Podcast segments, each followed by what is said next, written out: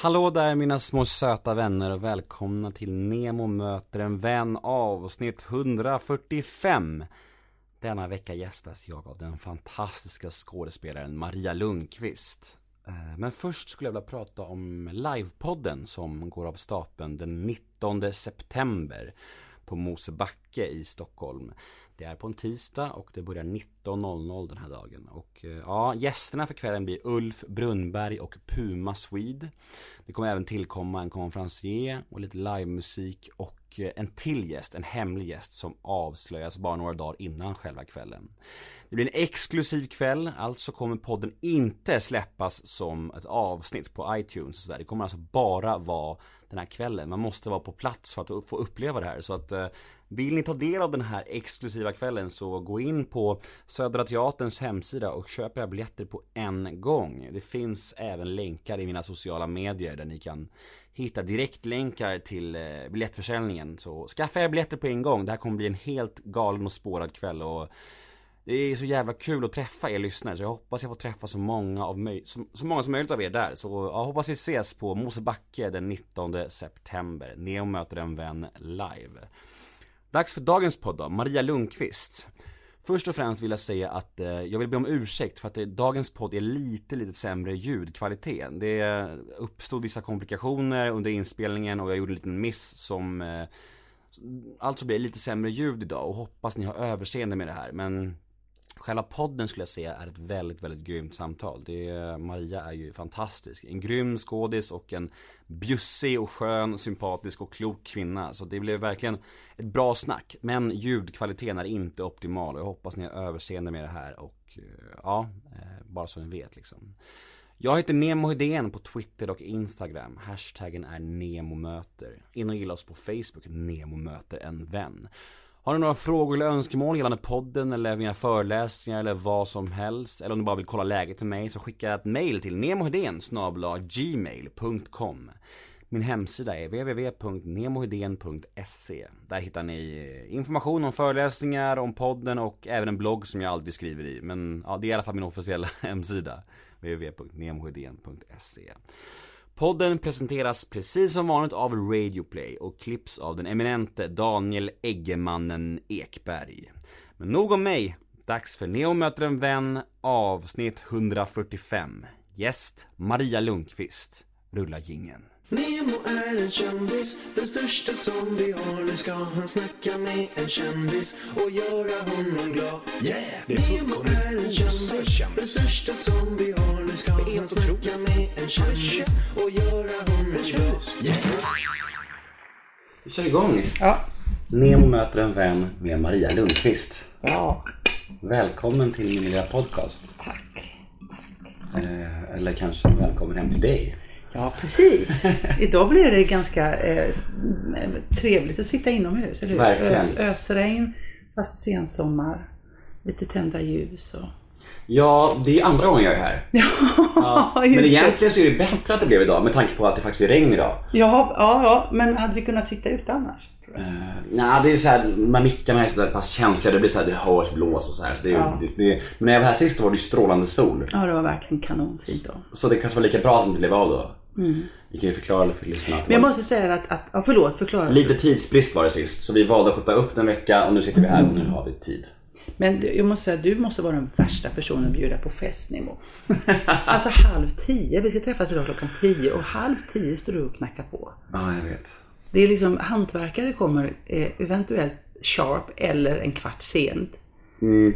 Alltså jag, jag, Är du så här orolig för att inte komma i tid? Ja men jag tror, ja lite det. Jag tänker att jag vill vara- hellre vara tidig än sen. Tänker jag. Och sen så blir det alltid att jag är ute i extra god tid då. För att jag tänker såhär, åh tunnelbanorna kan vara sena, hej och du vet mycket bara sådär. Extra allt. Ja verkligen, så vill jag liksom såhär. Sen står jag alltid vid dörren typ såhär en halvtimme ändå liksom såhär. Ska jag slacka på nu eller ska jag smsa?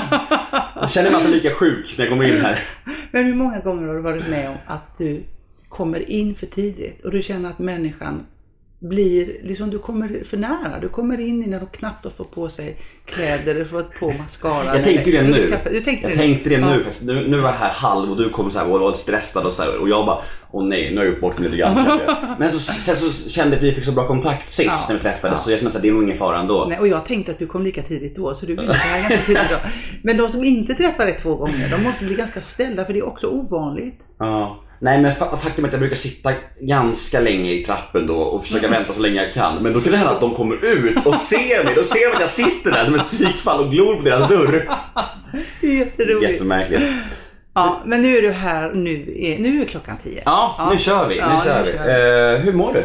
Bra! Mm. Jag har haft en tidig morgon både idag och igår. Igår gjorde jag en sån där eh, tv-neddimp och då är man uppe liksom eh, tio över fem.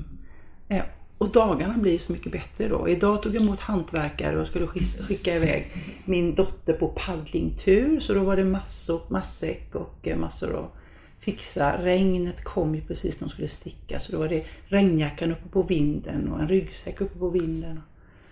Och sen så tycker jag att det är väldigt mysigt att ta hand om eh, eh de hantverkare som jag ibland tar hjälp till. Nu ska de fixa med fönstren utanpå huset som har mm, vet, släppt i kitt färg. Så då, idag fick de då liksom mackor och, eh, med sallad och rädisar och gurka och, du vet det här. Det ska vara fint. Det låter som att du jobba hos. Ja, alltså jag, när jag är hemma och de är hemma så är det viktigt att de känner sig välkomna. Fint. Jag tycker ofta att jag hamnar i ett läge, speciellt den här killen som jag har jobbat med nu, han heter Robert. Han har jag jobbat med många gånger, han har varit här i flera år faktiskt. Och det är underbart att få någon tillbaka, för då lyckas man att överbrygga den där barriären som annars är väldigt, väldigt vanlig. Att de kommer in i ett hus i Bromma, bland människor som har betalt, eller mycket pengar. Och så känslan hos mig av att tala om att vi är jämlika. Du och jag är på samma plan. Du, jag, jag gillar dig precis sån som du är. Det finns många, eh, det finns så mycket eh, förväntningar i att vi är olika. Eller fördomar om att vi är olika. Och jag tycker det är otäckt. Jag är alltid skeptisk. Jag skulle aldrig ta in städhjälp till exempel. Jag skulle aldrig ta in eh, den sortens hantverkshjälp som jag inte absolut klarar av att göra själv. Just för att jag är rädd att, att människan som kommer ska känna sig mindre värd. Förstår du? Det är ju knäppt va. Men jag är alltid orolig för den känslan. Jag tycker inte om att någon ska känna sig eh, mindre värd. No, det kan, det Och kanske... då är ett, så ett sätt för mig då, det är att krama om killarna när de kommer, eh, nästan bjuda in dem först och ta en kopp kaffe och sitta ner. Eller varje gång liksom eh, göra goda mackor och kaffe, kolla för de behöver lunch och eftermiddagskaffe och köpa bullar. Och ibland står jag liksom och, och eh, jobbar ganska mycket med just det. Och det känns skönt för då har jag liksom talat om att jag ser er. Jag, det är viktigt för mig att tala om att jag ser er. Liksom. Jag tror det uppskattas väldigt mycket. Ja, jag, jag tror också det. Men en del blir förvånade. Mm, ja, det kan jag tänka mig. Alltså, jag tror inte det hör till vanligheterna om att det kommer några byggarbetare ut till ett fint hus i Bromma och, och att de bjuder in dem så. Liksom. Nej. tror jag inte hör till vanligheterna. En gång, en gång hade jag eh, en, en man som hette Pavel som var helt fantastisk. Han hjälpte mig. Vi gjorde det ganska mycket tillsammans men han var ju den som högg mest- att lägga sten här utanför. Och jag var ganska petig på hur jag skulle lägga stenen för jag ville att den skulle ligga tätt ihop och den skulle följa naturen och, lite berg som jag har i tomten. Eh, han, var, han var så himla fin, jag kallar honom för Pavel Picasso. Han la så vackert. Och så första, bland de första dagarna, så det var sommar, då satt de ute i trädgården. Jag hade gjort ordning liksom fint där ute så de kunde sitta fint och äta. Och eh, när jag kom ut med kaffe, åh thank you, sa Pavel. Då hade han på plasten åt han ostekt rå falukorv. Alltså han hade inte en tallrik, han hade ingen bestick. Han åt bara falukorv. Och jag, nej det funkar inte för mig. Så jag frågade, can I help you Pavel? Is it okay for me to fix? Okej, okej. Han blev väldigt förvånad. Så jag tog in falukorven, stekte upp den, tog lite potatis, stekte upp lite grönsaker och så gick jag ut med tallriken. Och han blev så glad va? Otroligt glad. Och jag var lika glad jag, för att jag fick lov att göra det. Och så dagen efter, när det blir lunchdags, då hörde jag en lätt knackning på dörren. Hello? Can you help? Och så kom hon med en ny wienerkorv eller vad det nu var. Och så höll vi på den här sommaren och veckorna. Och vi fick jättegod kontakt. Mm. Och det, var en, det var en glädje för mig att få göra något för, för honom när han liksom gjorde för mig. Mm. Så så tycker jag om. Eh, så därför har det varit busy idag på morgonen. Ja, men jag får känslan när, när jag knackade på här och eh, att du, det känns som att du alltid har fullt upp. Att, du, att det alltid liksom nästan är full rulle. Det är jobb, det är barn, det är resor, det är liksom hej och faderullan liksom. Är det så? Ja, det skulle jag nog säga. Det är inte för mycket så att det blir eh, jobbigt och plågsamt eller eh, eh, för mycket på ett tråkigt sätt, oftast. Utan det är mycket för att det, jag tycker om att eh, jag är sån som tycker om att städa. Jag tycker om att, att sitta och, och snacka och för att det ska funka så måste någon ha ordnat så man kan fika och äta eller äta, liksom samtala och då måste det vara finnas en omsorg med att man har fixat i ordning. Ja, jag tycker om att ha det fint i trädgården och jag tycker om att se att mina ungar mår bra. Liksom. Så det, jag har nog mycket och jag tycker om att, att jobba med olika saker. Jag är inte bara på en teater. Och det kräver också då att man är uppkopplad på olika processer i jobbet. Att skriva, att tänka producent, att eh, marknadsföra sig själv, att vara agerande, att ha kontakt med kunden, att filma, tv, teater ja, och att då däremellan eh, hinna tänka till vad, vad man i livet vill med sin partner. Och då är det resor. Och... Mm. Nej, men jag, jag är nog igång väldigt mycket. Hur har sommaren varit hittills? Vad har du hittat på? Har ni haft en bra sommar? Ja, den har, den har varit förvånansvärt lugn. Alltså på det sättet att jag inte har varit utomlands och fart. Jag har jobbat ganska mycket i sommar. Eh, först så hade jag premiär på en föreställning som hette eh, Rosen och polaren Per. Och eh, eh, det, var, det är med Bengan Jansson, Bohuslän Big Band. Och en stor eh, blåsorkester. Ja, det är Bohuslän Big Band, de är blåsorkester. Eh, och det är Vara konserthus som producerat det här. Så vi har varit på några ställen. Det ska ut nu om några veckor igen. Eh, och perfekt, får tipsa om det här. Ja, det kan man göra. 9 september är vi i Mellerud.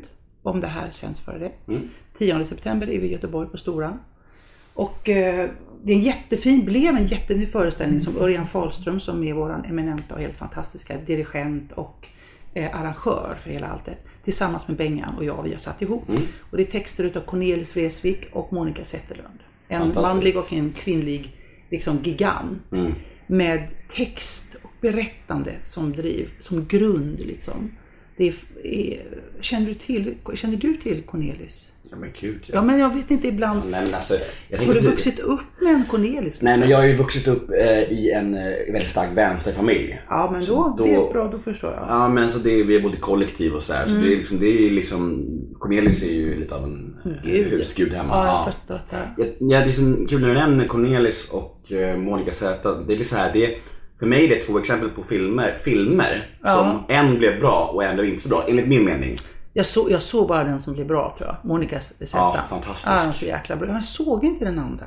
Ja, det är lika bra. Var det så? Ja, tyvärr. Åh, vad tråkigt. Ja, det var lite synd. Men Monica Z kan vi ju hylla. Ja, alltså den var helt underbar. Och, eh, eh, den var väldigt, väldigt, väldigt, väldigt fin. Väldigt Hon gjorde, det, hon gjorde det otroligt bra. Ja. Alltså, jag var helt såhär wow. Ja, det var väldigt bra. Mycket coolt. bra.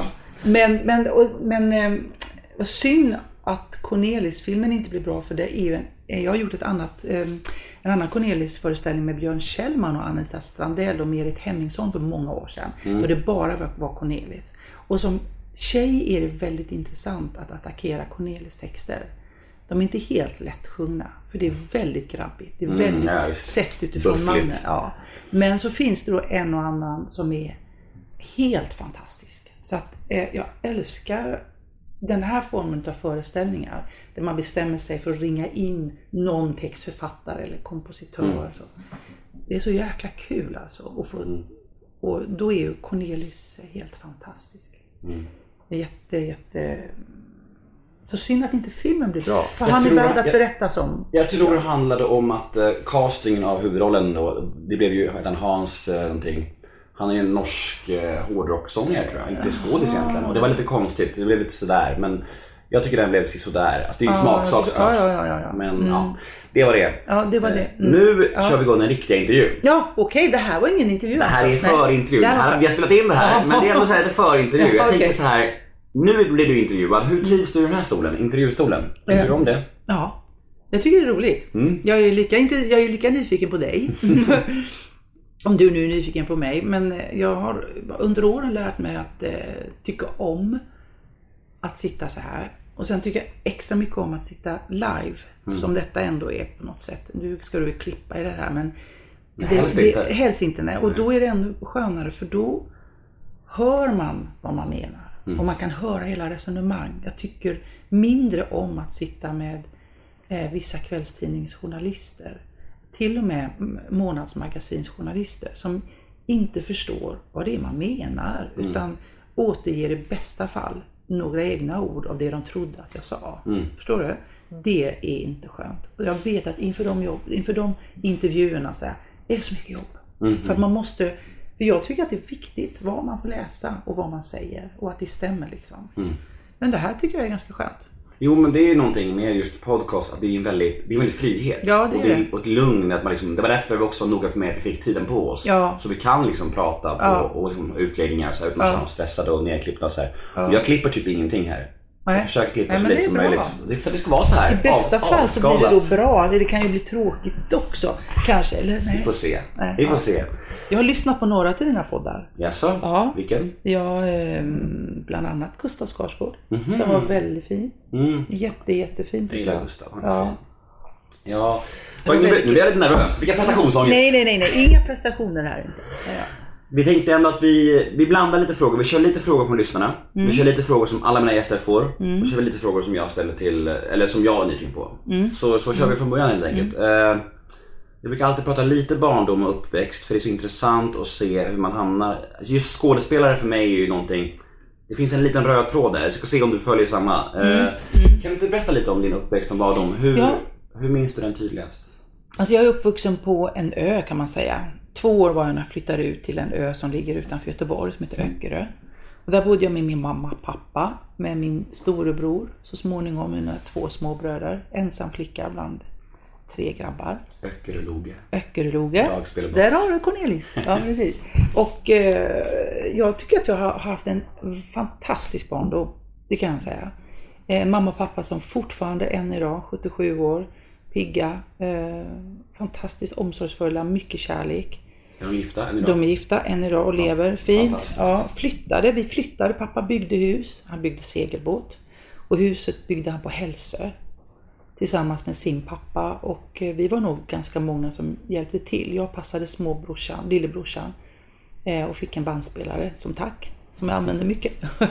Eh, men, men mamma och pappa har alltid, alltid än idag verkligen funnits där. Mamma har lärt mig liksom allt vad det gäller praktiskt, att förhålla sig sunt och kraftfullt, att våga säga, att eh, stå upp för vem jag är. Hon har, jag har fått mycket humor ifrån mamma. Och det här har jag upptäckt de senaste åren. Hur rolig min mamma är. Alltså jag har alltid känt, jag vill att min, din mamma är min bästa kompis liksom. Men jag har alltid känt, aldrig, och jag har skrattat så mycket tillsammans med henne. Men jag har aldrig tänkt på att hon är komisk. Men hon är faktiskt väldigt komisk. På ett väldigt mammigt gott sätt. Och min pappa har stått för känslan. Vilket inte alltid är så vanligt bland pappor. Han har varit en, den jag har krupit in till och pussat och kramat och fått liksom mest fysisk beröring utav. Det, det, det är nog oftast tvärtom tror jag. Ja, jag tror också det. Att Och det är papporna att- som är roliga liksom. Ja, man, man ja. mer känsliga. Men pappa, och då kan jag säga att mamma var väldigt närvarande. För pappa han, är, mm, han var slöjdlärare, musikant och eh, var liksom eh, väldigt mycket ute och spelade. Han hade dansband, liksom, Ove Berts kvintett. Och ute och spelade. Så att han var inte lika mycket hemma rent fysiskt som vad mamma var. Men pappa är den som jag har liksom, som jag gråter tillsammans med mest. Och som jag liksom känner mycket med. Han har, han har följt mig på ett väldigt, väldigt känslomässigt plan genom hela min karriär och, och familjebildning och allting. Där han har funnits väldigt så under huden, bultande. Medan mamma alltid har varit trygg, säker och, och varit eh, ja, väldigt, eh, hon har gett mig väldigt mycket ryggrad. Sådär. Mm. När jag, om jag har haft konflikt med min, med min exman eller min, med min nuvarande man eller och med ungar eller någonting sånt där så kan jag välja. Antingen ringa till min mamma och då får jag motstånd. Mm. Då säger hon, men Maria, nu måste du tänka på det och det och det.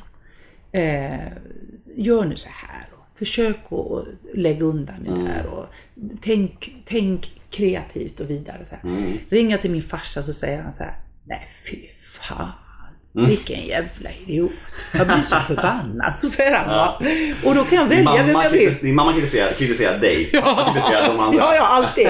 För honom är jag liksom, Ja. jag är prinsessa. Ja, jag. Fortfarande, än idag. Fint. Och det får jag tänka på för att min pappa blir också väldigt, väldigt engagerad. Så att Mm. om jag har satt igång en process åt honom och glömmer bort att nästa dag är det bra. Mm. Då kan han efter fyra dagar ringa och säga hur gick det? Eller hur går det? Mm. Hur mår du? Jag tänker så mycket. Så att det är viktigt att liksom ehm, eh, stänga av hans liksom on och off-knapp. Mm. knapp. Förstår du vad jag menar? För att han går och tänker så mycket så att ja, han är en väldigt... Eh, Väldigt fint dock. Du, du kan känna efter så här, vad behöver jag idag? Ryggdunk eller, Ja, eller kritik? Vad, Ja. Vem ska ringa? Ja men så är det verkligen. Och så har jag haft det under hela min barndom. Så att jag, jag för att slut, liksom om, som, eh, säga färdigt om just barndomen så har den varit i min familj väldigt, väldigt trygg och väldigt god. Och jag har tre, än idag, väldigt eh, kärleksfulla bröder. Mm. Eh, jag kan inte minnas att jag någon gång har önskat mig Ja, det är i så fall min näst yngsta bror Jonas. Hoppas han får höra det. Ja, hoppas det. Vi har fightats. Ja. Vi har fightats många gånger. Men idag är jag så varm i känslan över honom så att eh, jag tror vi behövde det där. Mm. Vi, var, vi var lite mellanbarn både han och jag. Och eh, fightades nog om uppmärksamhet och han hade ett jäkla temperament liksom. Mm. Men båda mina, alla mina tre bröder, Jonas, Stefan och Andreas, de är helt fantastiska. Mm. Sen hade jag en tuff period när jag flyttade ifrån min ena ö till den andra. Eh, från Öckerö till Hälsö. Där tyckte jag att jag, mm, jag tror att jag kom lite för stark. Hur gammal till var- gammal var du då? Tio, Ja. tio år var jag då. Jag bytte klass och kom in i en B-form, en 5-6 med både femmor och sexor. Och där var det jätte, jätte, en ganska liten grupp med, med ungar som jag tror växte upp på en ö där man hade lite färdiga uppfattningar. Man var eh, inte så eh, kanske öppen för en, en rödhårig, eh, glad teatertjej som ville komma och vara med. Så att jag blev rejält utfryst. Och det var tufft. De två åren jag gick där, de var riktigt, riktigt tuffa. Och jag blev, kan man säga, regelrätt mobbad med både liksom slag och utfrysning. Och på den tiden, den tidens eh, sms var ju lappar som man la på bänken och häftstift och du vet. Och sen så eskalerade det här så att eh, en morgon så kom jag då och eh, då var det en annan rödhårig tjej som faktiskt kom fram till mig och sa att eh, eh, idag kommer de att slå dig Maria. Och jag, jag var ju ganska så orädd och ville liksom inte backa för jag tänkte gör jag mig svag så blottar jag min strupe ännu mer. Så jag gick ändå in i klassrummet och det var inte en enda klasskamrat där. Och då hör jag plötsligt i, en, i ett förråd som band två stycken klassrum mellan sig. Man kunde gå in från 3-4 och sen från 5-6. Och i det här hade vi musikinstrument och läroböcker och sånt där. Där hör jag att de står. Och då eh, öppnar de dörren plötsligt och då har de liksom plockat på sig, och det här kan man ju egentligen skratta åt idag, men då var det fruktansvärt jobbigt. Då har de plockat på sig rytminstrumenten och sen så kom de ut och så slog de då mobbad, bom, bom, bom, mobbad, bom, bom, bom. Och för mig var det väldigt, väldigt otäckt. Och så gick de runt i ring och sen så började de att puckla på liksom. Och eh, mitt i det där lärarrummet, det var en liten, liten skola så att jag är förvånad över att mobbningen kunde hålla på så lång tid eh, utan att min lärare reagerade. Han måste ju ha sett att jag alltid satt själv. Han måste ju ha sett att på rasterna att ingen var med mig. Det måste, han måste ha upplevt, men jag tror att han var lika rädd. På den tiden, att det här, nu talar vi 70, slutet 70-tal liksom. Man, var inte, man hade inte några slå inte min kompis eh, förening eller organisation. Friends. Nej, Nej. fanns inte. Utan man snackade väl om det om det blev för mycket slag. Men annars fick man ta för sig. Mm. Så han kom in mitt i detta här. Och det enda jag kommer ihåg att han sa det var så här, Nej, vad är detta för någonting? Vad håller ni på med? Gå nu och sätt er. Och sen inget mer. Men då gick jag hem till mamma och pappa den eftermiddagen och så berättade jag. Och då grät jag. Då berättade jag om allt som hade varit. Och vem är det som reagerar då? Min pappa. Så pappa han blir så förbannad. Va? Och så åker han ner med bilen till det stället som vi ungdomar, eller vi barn brukade, eller jag, inte, jag var inte där så mycket då, men eh, där de fanns. Och så hade jag då pekat ut ledaren för tjejerna och ledaren för killarna. Och de plockade han in eh, i bilen. Först den ena tjejen och sen den andra killen.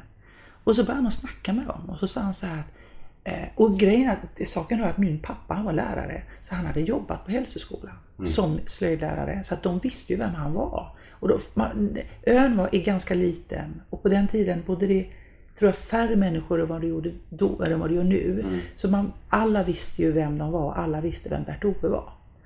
Så att när han plockar in den ena tjejen där så, så säger han till henne att eh, jag har hört att eh, eh, det är jobbigt i klassen och att Maria bär sig väldigt dumt åt. Jaha. Ja, och jag, jag, jag, jag har själv på Maria och jag, jag har verkligen sagt till henne att hon måste skärpa sig nu och det här är ju för jävligt.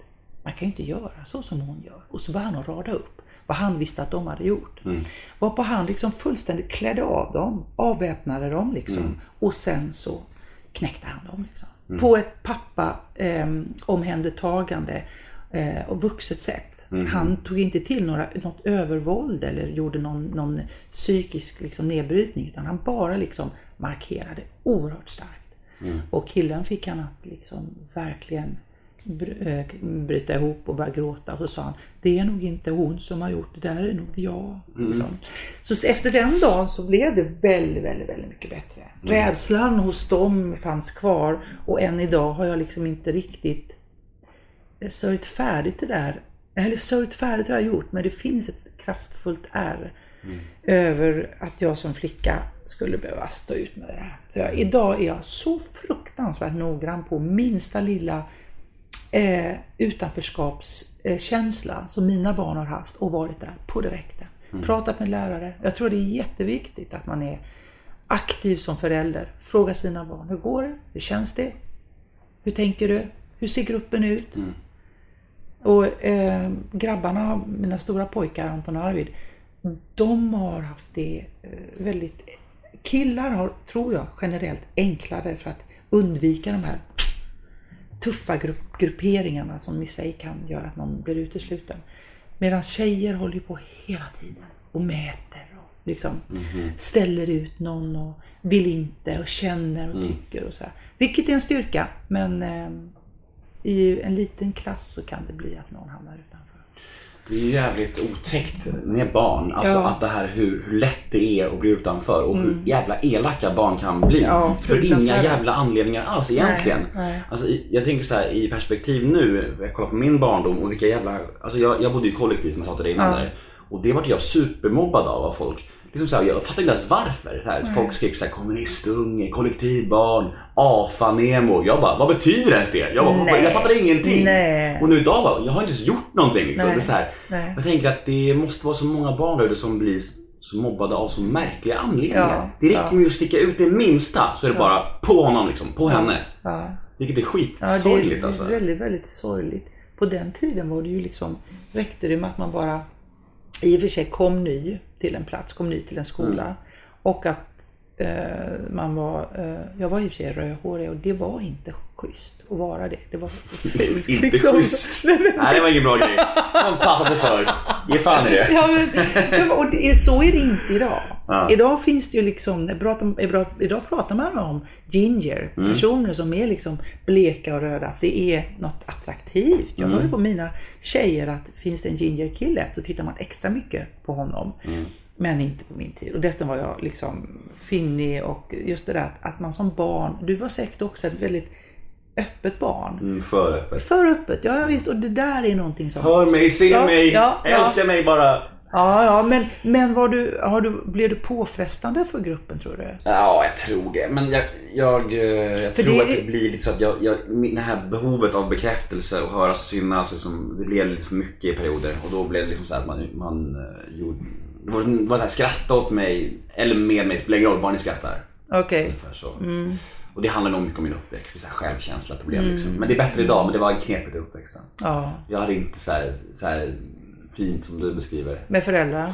Nej, jag fick liksom aldrig en självkänsla och jag tror det gjorde, det formade mig väldigt hårt. Att jag har liksom alltid försökt att söka så externa lösningar på så här internt problem. Mm. Försöka laga det här tomrummet med bekräftelse, komplimanger, kändisskap, alkohol, droger, sex, allt, allt.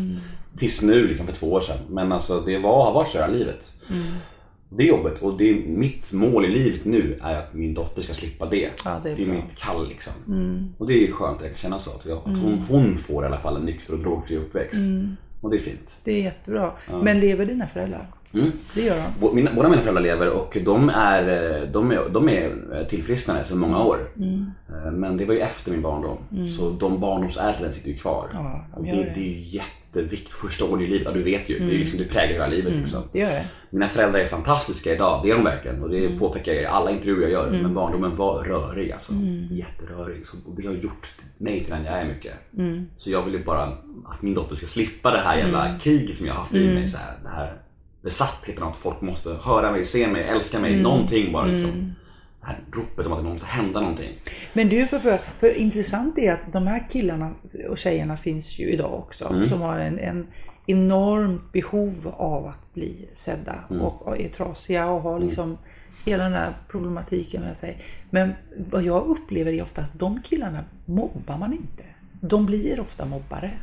För att de eh, måste erövra makt och kontroll på något sätt. För mig var det så att jag, jag blev ju mobbad och jag mobbade.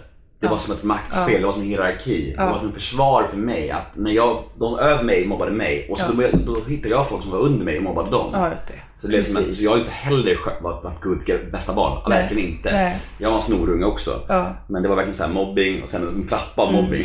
Så Men var- det är också intressant för att då är det de här killarna som man då som man känner är ass för en klass som är Mm. jävligt jobbiga. Eller tjejerna. Oftast är det killar som är rörigare och som lever ut det.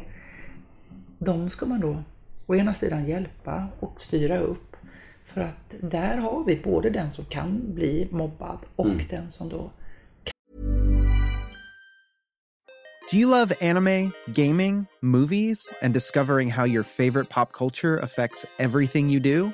Then join us on Crunchyroll Presents The Anime Effect. I'm Nick Friedman. I'm Lee Alec Murray.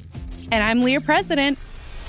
Every week, you can listen in while we break down the latest pop culture news and dish on what new releases we can't get enough of. Whether you love movies, I'm going to tell you all about the uh, hopeful 4K re release of Tron Legacy that happens. I'm right there with you. Or music. The music in this show Yeah. is absolutely incredible. Or anime.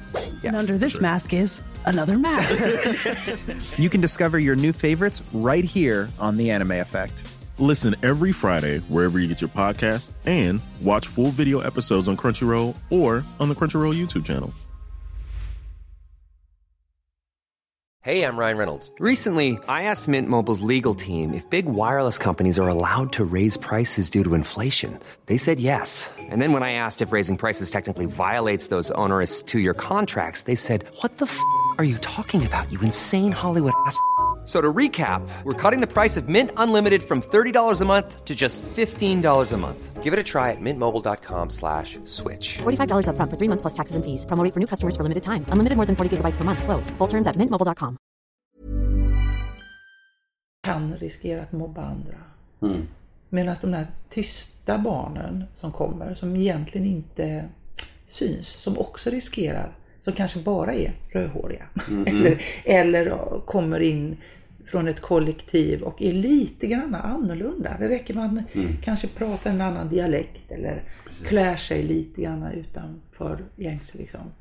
De ska man då stötta för att inte bli mobbade. Ja, men För jag tror inte precis. det är de som går och mobbar utan Nej, det är liksom inte. de här lite kraftfulla killarna, tjejerna som... Det är intressant för jag, jag hamnade aldrig i läget att behöva mobba för att bli lyssnad på. Men eh, Jag tror någonstans att jag gjorde det för att jag liksom ville höja mig själv. Jag ville, Ja. liksom, vi, vi, ville inte vara svagast. Jag ville liksom inte på något sätt. Och det är och jag har varit väldigt impulsiv, väldigt känslostyrd och liksom inte haft någon kontroll på mina, mina impulser under hela livet. Och det är så här, jag vet inte vad det har berott på. Det har varit, Nej. det knepigt liksom. Ja, jag jag kommer ihåg så här, incidenter på så här Vasamuseet. Jag, jag slängde mig fram framför en blind man och dansade. Det var helt fel, men jag gjorde det ändå för att folk skulle skratta åt mig. Det var det viktigaste jag visste. Gud. Ja men det är sån där, bara, nu gör vi det här. Det är fel men jag gör det ändå. Mm. Folk kommer skratta. Med mig, åt mig, spelar ingen roll. Bara folk skrattar. Men gick du i vanlig skola eller? Jag gick i en vanlig skola men eh, ja, ja, det går ju att spekulera kring det där. Jag borde kanske gått i dampklass, jag vet inte. Nej, Alltså, jag, det var inte det jag menade. Nej, jag, tänkte, jag tänkte på, det finns ju sådana här, mina barn har gått på Kristofferskola, en Waldorfskola. privat. Pri- Nej, det är en kommunal skola också. mm. Men de har liksom en speciell inriktning när man jobbar. Nu ska inte jag prata för mycket om det här för det- kommer att ta två och en halv timme. Men det är en oerhört... Alltså, jag kan- Mm. Montessori typ eller? Nej, Montessori är nästan tvärtom. Där Okej. jobbar man väldigt individuellt, väldigt eh, utifrån eh, kunskapsrelaterad inlärning. Alltså man, man betar av kapitel och man har liksom, I Waldorf så gör du dina egna skolböcker.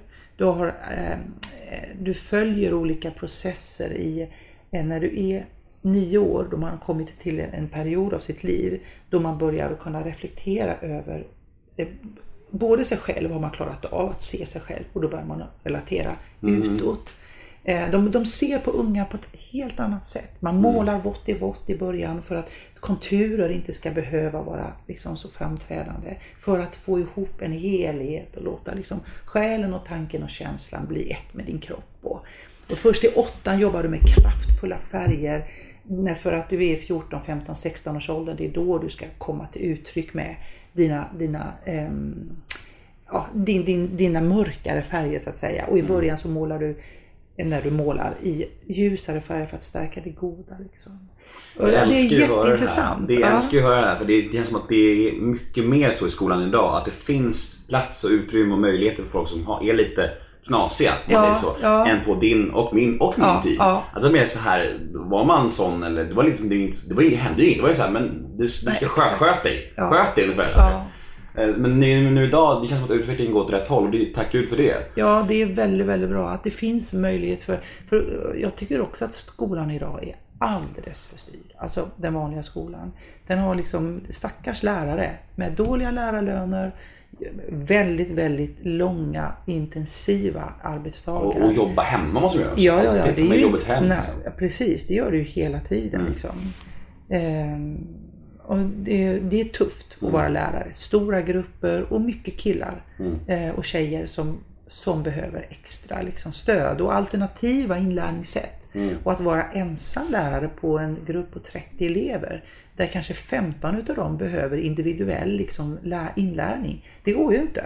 Och då blir det liksom enligt mallen och då får man rent ut sagt ett helvete emellanåt. För det, barn är inte mall, barn är individer. Liksom. Barn är som de är. Ja, de är som de är och ska liksom mallas in under perioder i små saker, projekt och inlärnings...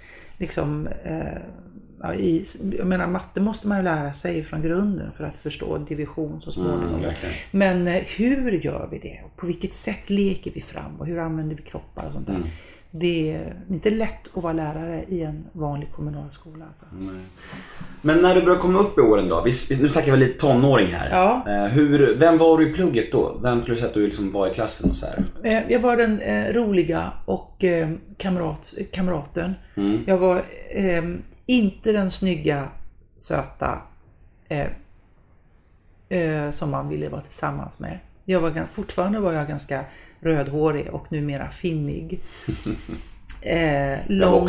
finnig. Var du det? Ja, var det- ja. Hur, hur blev du av med dem? Nej, jag gick till läkaren och alltså alla möjliga. Rakutan. Jajamän, Roacutan. Ja. Den, den var Den jätte, den tyngsta. är lurig. Den tyngsta. Ja. Den fanns inte. Jag körde ehm, eh, Aberela, kommer du ihåg? Aberela. Sidospår, snacka, snacka, snacka aknemedel.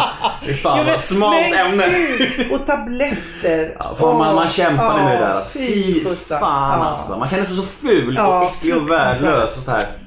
Nej, det var hopplöst. Hade du inga tjejer heller? Nej, jag, alltså så här, jag, jag, Jag var ju verkligen en late bloomer. Alltså det var typ Var såhär du? om man säger så, ja men gud. Alltså jag typ fick mina första tjejer och sådär och ragg när jag typ bara alltså 18, 19, 20 kanske. Ja, På ja. riktigt alltså. Ja, men det, jag håller med om det. Jag tror att jag hade en kille som jag inte vågade prata med när jag gick åttan. Men du vet, jag skrev listor inför samtal där vi skulle liksom så jag visste vad jag skulle kunna säga för jag vågade inte prata med honom. Och jag var inte blyg men i kärlek var jag totalt novis liksom.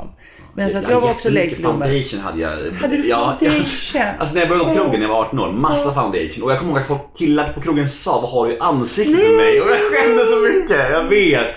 Jag vet, vad ska jag göra då? Aspinsatt. Du är jätte, jättefin nu. Ja men nu är det bra. För jag, jag, det bästa med att ha liksom mycket finnar och fet hy, det är att man blir inte överdrivet rynkig. Nej. Så det har jag, liksom, det har jag framför mig nu då. Jag ser på min mamma som är väldigt liksom fin så här. Men du har ju typ en rynka ju. Ja, ja, det har jag ju i och för sig. Men fortfarande så har jag liksom en, en, okej eh, fin. icke-rynkig hy. Men, eh, men det här storporiga, att man känner sig lite fet för det mesta och så, det kommer man få leva med. Liksom. Men det är that, that's past. Ja, eller hur? Men jag var Fast- den där som stod still på, på, på krogen och på diskot och höll kompisarnas väska. Mm. Och såg den ena killen efter den andra gå förbi för att ta liksom någon annan i kompisgänget. Jag hade ingen, ingen framgång hos grabbarna. Men var det så att du sökte dig till liksom, eh, skådespeleriet och det här eh, showiga för att hitta någonstans få den här bekräftelsen och få liksom, synas och killar och så här, för att du inte riktigt kunde socialt på det andra sättet eller? Alltså, eh, jag skulle säga nej, för att jag, jag har aldrig tänkt så. Men det, det måste ju ligga någonting i det. Men jag sökte mig till teatern så himla tidigt.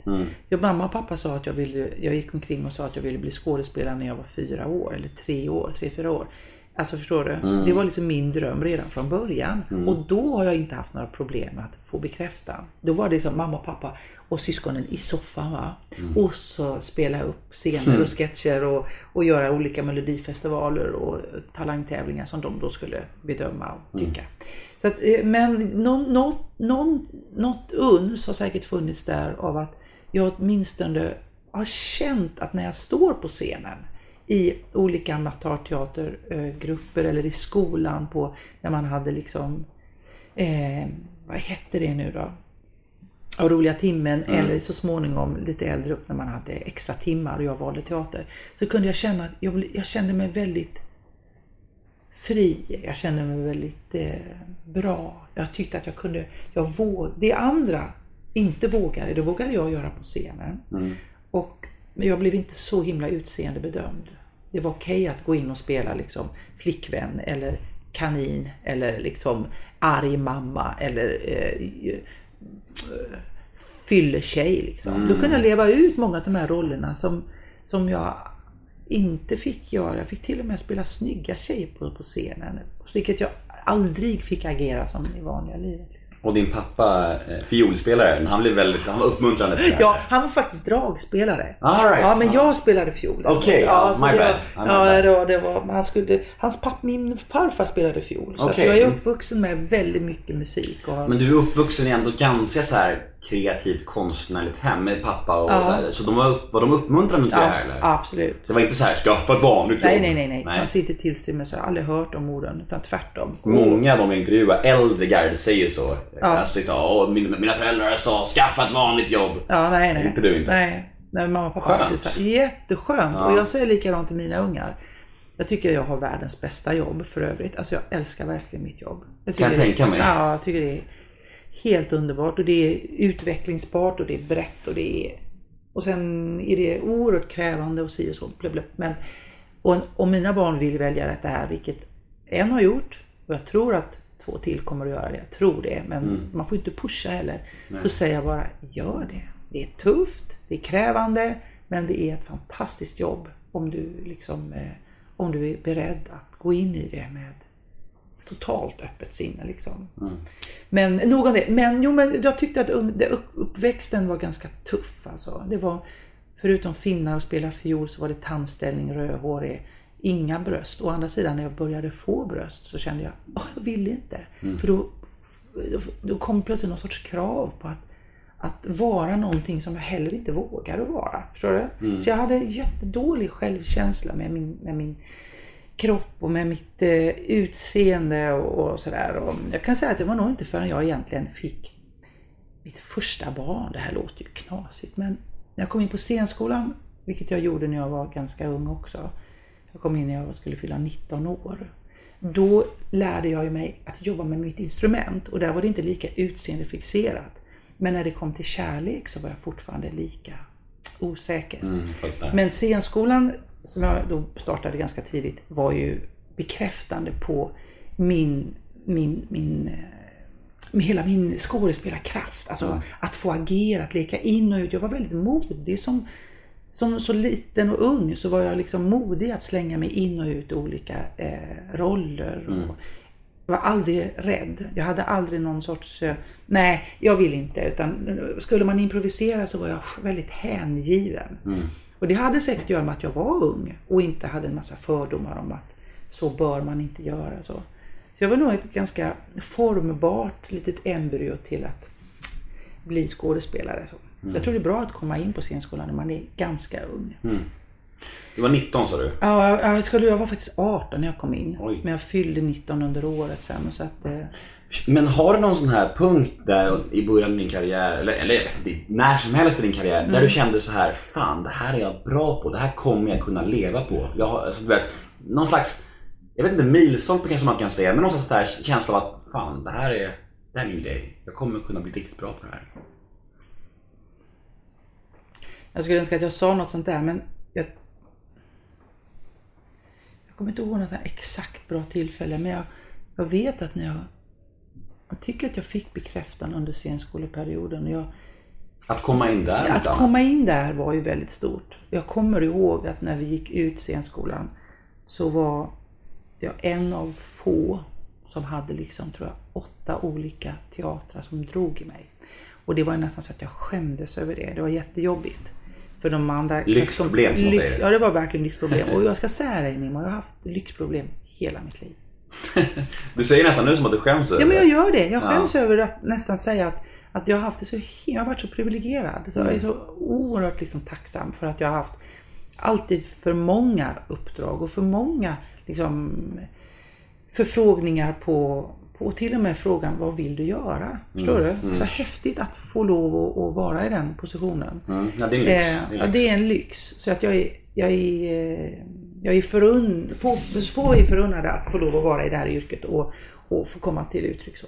Så att jag kan inte säga att det finns någon exakt, men jag har nog känt under tiden att jo, men jag är nog, jag är nog eh, böjd att säga att jag är skapt för att få vara det här. Men jag är väldigt ödmjuk inför det. Det är inte så att jag någon gång säger yeah, fan nu är det klart. Nu har jag liksom nått eh, milstolpen, nu är det bara lite Nu är jag grann kvar. mätt. Nej, nu är jag mätt. Det finns inte. Nej. Det finns absolut, jag har aldrig varit i närheten. Och jag har aldrig egentligen varit i närheten av att känna att det här kunde jag inte gjort bättre.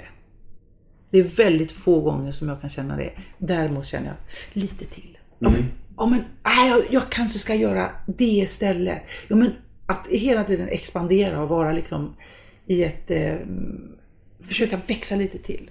Det kan ju vara jobbigt för en del. Jag vet någon regissör som sa, men stå still och bara gör för helvete. Liksom. Och, eller det räcker nu, eller det behövs inte mer. Det är bra som det är. Det har jag hört mycket i mitt liv. Både i mitt kärleksliv eller i, min, i mitt omsorgsliv med vänner och även i mitt skådespelarliv. Att, Nej men det är bra så. Ja men ska vi inte? Nej, det räcker Maria. Och det har med min hu- hunger att göra. Så att jag, jag har ingen så här tydlig milstolpe där jag kände att nu är jag, nu har jag fått bevis på att jag är, är liksom nämnd att bli det här. Men däremot så har jag fått känna det under tiden. Vi ska prata lite om Heartbreak Hotel. Ja, Ja. vad kul! Ja. Det är ju en milstolpe. Ja men precis, Ja, det är därför jag tog det. upp den. Ja, Eh, ja. Väldigt, väldigt eh, sedd film om man säger så. Hur, minns du hur många som såg den på bio? Alltså jag tror vi var upp mot miljonen. Om vi Ja. inte passerade det där. Tänkte- en miljon. säga det precis. Det är ju var- helt galet. Det är helt galet. Det Ja. var så mycket. Och det måste jag säga, det är en av de absolut, ja det är den roligaste filmen som jag varit med i och gjort och haft under tiden vi har spelat in. Mm. Helena och jag har fruktansvärt roligt när vi jobbar och Colin och jag och Helena är en jäkla bra trio.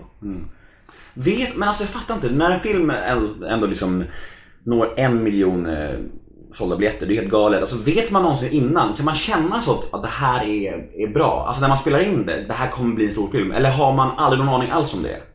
Eh, ja, nej, man, jo, men jag tror att... Nej, man har nog inte riktigt aning. Men Collins filmer har ju alltid nått en stor, eh, stor publik. Och han har ju alltid ombesörjt att, att jobba med historier som berör på många plan. Liksom. Och han, han berättar ofta om människor och om kvinnor, vilket är väldigt, väldigt ovanligt. Som är lika många i det här landet. Det är all, många känner igen sig i Collins filmer. Det utspelar sig inte i, i första hand i storstadens puls bland liksom eh, revisorer och eh, eh, människor som kanske inte alla kan identifiera sig med. En klass människor som ligger lite utanför. Han, han jobbar inte med filmer som jobbar, utspelar sig i den brottsliga världen heller, i den undre världen. Han jobbar med filmer som berättar om sådana som dig och mig som har vuxit upp i kollektiv eller på en ö eller ute på landet och som besöker de här världarna då lite grann. Och det gör att man vet om att Colin når en stor publik. Sen hur stor vet man inte. Men han, var ju, han är ju otroligt... Eh, han är bäst, Colin, i det, på många plan tycker jag. Men i det att han vågar berätta om kvinnor. Och Heartbreak Hotel berättar han om två kvinnor som var på den tiden också. Nu är det, hur många år sedan är det? Har du någon uppgift på det? Är det Du, på jag önskade det. 90-tal och 90-tal måste det ska, vi, ska vi kolla lite snabbt? Ja, Vi det kan vi göra. Vi kolla, kolla kollar lite snabbt. snabbt. Du kan, men att du kollar så jag bara berätta att, att våga berätta om två kvinnor då som eh, gjorde de här sakerna som vi gör i filmen på det sätt som Helena och jag då gör det. Det var väldigt oh, hisnande för många. Det var så här så att wow, man har inte sett en sån film innan. Eh, så därför så var det inte så konstigt att, att den blev stor för många, många kvinnor sa äntligen en film som handlar om oss. 2006. 2006, ja det är alltså 10 år sedan. 2006? Vad står det, står det här? Det låter väldigt nyligen. Nyligen. Det kan inte stämma? Det var inte mycket längre än tid sen trodde jag. Ja, jag trodde att jag sa ju 80-tal. Nej, det- Jag trodde du 90-tal. sa 80-tal. Nej, nej, nej, det sa jag det. Hade du filmen Vad 15 pinsamt. år? Åh, fy fan vad hemskt. 2006, det är så länge sedan. Nej men så nyligen menar du? Alltså det kan inte stämma. Det låter jättemärkligt. Nej, men det är nog det. Ja. nej, men okej, men det kändes ändå... och du säger- det säger- 80-tal? Ja, nej, jag sa inte 80-tal, jag sa väl 90-tal. Heartbreak Hotel är en svensk dramakomedi från 2006. Skriven och regisserad av Paul Nutley. Med Maria Lundqvist, Helena Bergström, Claes Månsson, Johan Rabaeus. Ja, Okej, jag backar på det. Men alltså det 11, känns- 11 år sedan. 11 år sedan. Ja, men då, det säger ganska mycket om hur få filmer vi har gjort Ja. med, eh, med eh, kvinnor som Jag tycker det är agerar på det kul att jag viset. så fel. Ja. Ja, jag har ju faktiskt haft med hela det här gänget. Inte Helena. Har du men det? Claes Månsson och Johan Rabaeus haft med. Ja, Claes Månsson. Claes Månsson, in my heart. Ja, Världens vi gjorde Stjärnorna på slottet tillsammans, Claes och jag. Vi kommer till Stjärnorna Alltså gör det det? Vi Gör kommer till det. Okej, okej. Men Ja men för- det är i alla fall en jättefin, jätte, jättefin film. Absolut. Eh, och, och rolig. Väldigt rolig. Än idag så, det är nog den filmen tillsammans med ja, två, två neddimp inom tv och filmvärlden som jag, om inte dagligen så veckligen då, Mm. Får kommentarer kring och folk fortfarande kommenterar. 80-talets bästa film. 80-talets bästa film. Nu, eh, flera lyssnare vill jag också prata om Sally. Och att det liksom trots allt var två säsonger Mm. Ja. och en och en halv miljon tittare per avsnitt. Ja, Varför blev du inte med då? Alltså om, en, om det är så stor succé, varför kör man inte bara på då tänker jag? nej men det var jag som inte ville det. Okej. Ärligt talat. För jag kände, jag, jag älskar Sally och Sally finns med mig än idag. Så de eh, i detta land som nu lyssnar på detta, som har varit på någon sorts föreläsning där jag har, för jag gör sånt också, föreläser och konferenserar och gör liksom neddimp på kickoffer och på an, olika event och sådär. Då snackar de om liv, om relation, om, om om att våga tänka vidare och våga ta steg och sånt där som är viktigt att bli påmind om. Inga konstigheter. Och då brukar jag också plocka med mig Sally när det finns tid. Och då blir Sally, antingen blir hon till på scenen, jag klär ut mig till henne eller klär på mig till Sally på scenen. Eller så kommer jag in som Sally och folk brukar, "Åh, herregud kommer hon liksom. Och så eh, demaskerar jag mig och så går jag vidare in i någon sorts annan andning. Men jag älskar Sally och Sally var ju min ursprungsidé från början. Som sen Ulf Malmros och Lars Vasa Johansson skrev manuset kring och de skrev helt fantastiskt. Väldigt, väldigt roligt. Men sen när den började sändas och jag fick en förfrågan om att göra fler säsonger så blev jag lite rädd för att jag vet hur lätt det är att fastna i en, en karaktär. Och jag gjorde det. Lång tid efteråt så var jag Maria Sally Lundqvist. Fortfarande så är det väldigt, väldigt många som säger Hallå Sally till mig när jag går på stan och sådär. Nu har det förändrats. Under några år så har det liksom dämpats mer och mer. Så nu är det mer så här Hallå Maria och tack för Sally. Och jag tyckte nog att det var skönt att inte bli en sorts Sally. Jag kommer ihåg att jag pratade med, med Lasse Brandeby som ju spelade Kurtan. Och vi pratade just om det fenomenet för Kurtan och Sally, vi gjorde en krogshow ihop där vi gick in och gjorde liksom Men han var ju Kurtan hela showen. Men jag klädde på mig min Sally-peruk och gick in och gjorde Sally. Och då sa han, det är så jävla gott att se att du eh, klär av dig. Du vet, jag har ju ingenting att klä av mig. Jag är Kurtan. Och, och eh, för mig var det skönt att inte behöva vara Sally hela tiden. Utan kliva in i det och älska det. Jag älskar att göra henne fortfarande. Hon är helt underbar för mig att, att ha för att folk garvar så mycket och, och blir så blir, jag kan göra folk så synliga med Sally för att hon vågar så mycket.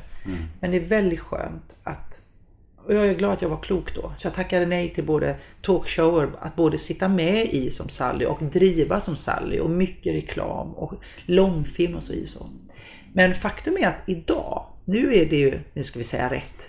Det där var... Ska vi googla först kanske innan du säger någonting nu? Nej men nu vet jag att 97 spelade vi in Sally så det gick nog hösten 97, 98 någonting. Sen har det gått rep- repriser sådär. Nu kan jag räkna på mina barn igen. och det borde jag ha gjort med Nora också där 2006. Ja skitsamma. Men nu har jag faktiskt varit och tänkte så här, men nu skulle det vara kul. Efter så många år, nästan 20 år, att plocka upp Sally 2.0 liksom. Och nu har hon liksom börjat jobba som eh, eh, livscoach. Hon är livscoach numera. Och eh, föreläsare. Eh, så jag har skrivit ihop tillsammans med två killar på Jarowski. Ett fantastiskt liksom, eh, tycker jag, jättekul ett koncept med outlines för liksom en ny serie och så. så. Väldigt modernt filmat. Lite att vi använder oss utav, inte sitcom eh, eh, filmtekniken med tre fasta miljöer som ju var Sally då. Utan att vi leker mycket mer. Men faktum är att jag fick nej ifrån SVT. Va? Ja, Hur lack blev du då? Ja, jag blev så jäkla besviken. Jag blev så, så? kränkt. Ska du Ja, jag jag blev så här, jag, för jag trodde nämligen att det liksom handlade mer om mig. Att Mm. jag skulle säga ja. Men jag har inte gett upp det nu. Det är bara Mm. att jag blev nog väldigt, väldigt ställd. För jag hade jobbat ganska mycket på det. Och vid Men- pitchen så, så satt eh, chefen där och tyckte det här var så jäkla bra liksom. Det här ska vi göra. Varför fick du nej- fick du nej då? Jag, jag vet inte. Nej. Ehm, Jag tror att han inte förstod och att han inte bollade vidare och förstod att det här kan bli liksom så eh, på nytt bra. Utan han var rädd, tror jag, att det här skulle bli någon sorts repris på någonting som redan har gått. Att du var väldigt tidstyp, tids för då snarare. Ja. Men ja, han vet heller inte om att jag gör, jo det vet han, men han vet inte om hur många människor som varje gång jag har Sally säger Kan du inte göra igen? Kan du inte göra igen? Men måste du göra på SVT då? Nej, det, det behöver jag inte göra, men jag har varit lite... Först, jag, jag tycker att det är svårt ibland med de här reklamavbrotten. Som liksom, för man är tvungen att jobba rent kom, humoristiskt komiskt på ett speciellt sätt när avbrotten ska komma. Och jag ville vara fri ifrån det. För SVT hade inga, inga det, det finns något fint i de här bågarna som man kan bygga hela 27 minuter. Men eh, andra kanaler måste man jobba liksom kortare. Men jag är, jag, jag är väldigt öppen för att gå vidare till någon annan kanal. Och se om de då kan stå ut med att man har gjort på SVT. Eller också så gör jag själv och lägger upp tills de har bytt chef och den nya chefen förstår att ja, det här kan vi inte vara förut. Men det finns tid. Sally finns så starkt i många så jag blev både rörd och helt enkelt jävligt jag blir liksom Taggad. taggad utav att så många frågar efter henne. Ja, jag förstår det. Du, Mm. En underbar jävla jul. Fin film, rolig film. Och jag Mm. tänker att det är en film som, som är många underliggande ganska viktiga budskap. Ja, Alltså, jag tänker, jag, jag skulle prata lite om, om responsen på den och, och inspelningen och så här. Det, det är liksom lite, lite rasism och lite, det är homosexualitet och det är många viktiga grejer liksom. Mm. Berätta om den filmen, den inspelningen och, och responsen på filmen. Mm. Ehm, det, det var Helenas, Helenas tredje eller fjärde film, tredje kanske. Som hon tillsammans med Edvard af och Daniel Rehn skrev. Eh, och vi skådespelare till viss mån eh, var med och agerade och tänkte till kring i, scener. Men det var ett ganska tydligt manus från början. Eh, och det... Styrkan med detta, för- för det första är Helena en oerhört drivande och väldigt kraftfull regissör. Eh, Jag gillar det, jag tycker det är kul. Hon kan bli väldigt, väldigt, väldigt passionerad så att det blir mycket känsla. Men hon drev det där projektet, vi spelade in faktiskt en sommar, konstigt nog, för att vi behövde eh, nätter, mörker för att julen skulle liksom. Så vi spelade in mycket nätter, vilket gjorde att det blev en väldigt speciell stämning. Vi hade väldigt roligt. Och vi kom väldigt tätt ihop för alla var med hela tiden. Det är också styrkan tycker jag att alla är med så gott som hela tiden. Det är väldigt få scener på, på Grand Hotel mellan mig och, och Robert Gustafsson och få scener ute på stan mellan Robert och Michalis till exempel. Och, Hur är, hur är Robert egentligen? alltså, Jag ska, jag ska faktiskt träffa honom om några veckor. Ja, vad kul. Jag är lite nervös inför det. För jag har ju fått, hört från några att han är, han är eh, speciell. Alltså, alltså att, han är, att han är ganska så här, han är perfektionist och väldigt så här. Alltså väldigt så här, hå- inte hård men alltså han är, speciell bara. Och jag, och jag är lite nervös för att träffa honom. Taggad som fan men nervös också. Mm. Ja, men bry dig inte om att vara nervös för att eh, jag förstår för att han har en väldigt stark integritet. Och så är han så oerhört professionell på alla plan. Liksom. Och det, vi har aldrig jobbat ihop Robert och jag. Förrän vi gjorde en underbar jävla jul. Och då är vi samma årgång, han kom ut scenskolan några år efter mig. Han är några år yngre tror jag. Men vi har ändå varit i kom, den komiska arenan ganska mycket. Sen har jag gjort mycket mer dramatiskt och gjort mer dramatisk film än vad han har gjort. så. Eh, Han har inte gjort så mycket film. Det är nu som det börjar hända någonting och jag tror att det händer med Robert för att det har hänt mycket med honom. Och jag tror att hans, eh, han kommer att pika om några år. Tror du det? Ja, absolut. För att vad jag, vad jag upplevde med, med Robert under våran inspelning, som säkert andra har sett, men som jag inte tycker att han har velat visa. Han kanske har haft det där, men han visade en, ett, ett djup, en sorg, en innerlighet. Robert är ju den mest fenomenala, tekniskt mest drivna, komiska liksom, förmågan vi har eh, i detta land. Och internationellt håller han sig liksom urhögt. Alltså han är ju briljant. Hans timing och hans komiska liksom. Jag är jätteimponerad. Men jag har alltid saknat den där att jag blir berörd av honom. Han har aldrig lirat på det sättet. Han gör teknisk ekvilibrism och man skrattar knäna av sig. Men jag har längtat efter att få gråta med honom och det tycker jag att han plockar fram i en underbar jävla jul. Det finns ju en scen där. Ja. Den, du vet vilken jag Ja, menar? ja, ja, ja. han går loss. Den scenen är ju fan fem Ja, den är jättefin Otrolig alltså. alltså. Och det är, och det är när det stillnar, när Ja. komikern stillnar. Och det är många sådana komiker som sent i livet blir liksom Ta steget liksom. Ja, ta steget. Och jag vet inte, där, så, så väl känner inte jag Robert. Våra samtal var, jag ska säga, jag blev nästan förälskad i Robert. Och jag tror vi blev det i varann. Vi, blev väldigt, vi gillar att vara med varann. Vi gillade att, eh, att jobba med varann. Vi märkte att vi var väldigt eh, lika. Jag tror att vi plockade fram goda saker hos varandra. Jag ska hälsa han från dig. Ja, det ska du verkligen göra. Jag, Och vi har sagt att vi ska göra fler saker, men ofta så gör vi ju så mycket var och en för sig. Men jag längtar efter att få vara med Robert igen och då vill jag att vi ska göra ett tungt drama. Där. För komiken ligger ju i det tunga, tunga, tunga. Eh, sen kan man hitta allvaret i farsen. Men eh, jag längtar efter eh, en Virginia Woolf med Robert Gustafsson. Förstår du? Där det bara så. För två veckor sedan så gästade ju Stasse min podd. Ja, åh, goa, goa fin. Ja. Anastasius. Han är Ja. så himla fin. Och eh, han spelar ju emot din son. Ja. I En underbar jävla jul. Ja. Eh, de är ett homosexuellt par. Mm. Och jag måste ändå fråga hur det är att spela mot sin son. Är det speciellt eller är det liksom, är det, är det, är det, något, är det speciellt? Ehm, ja, det är speciellt på det sättet att man känner personens energi. Men jag tycker att Ant- Anton är en sån... Alltså, man kan inte stå och berömma sina barn, men om Du ser på, ja, men om man ser på Anton som, som skådespelare så skulle jag säga att Robert Gustafsson har en, en fantastisk komisk kropp.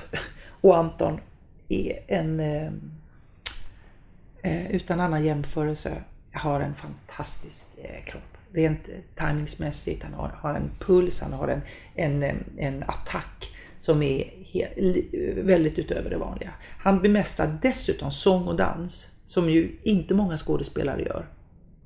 Det gör inte Robert, men det gör Anton. Och Anton har, det, han är eh, han kommer att nå väldigt, väldigt långt om han vill. Och det gör han. Han är väldigt ambitiös. Dessutom har han alla andra. Han kan steppa. Han är showdans-duktig. Han är liksom... Han är jäkligt duktig. Alltså ser jag på honom som proffs. Inte som min son när vi går på inspelning. Eh, han har en bra replik. Han har en närvaro utöver det vanliga. Och han eh, är, har inga, ingen prestige emot att jag är hans mamma. Utan vi möts som två skådespelare. Men vad som är skönt är att vi kan, eh, vi kan vila i varandra. Det finns ingen genans. Man behöver inte, jag behöver inte vara rädd att jag luktar illa. Förstår Nej, du? förstår. Eller att, att man är orolig för att man inte känner varandra. Den där, då, det måste man lära känna.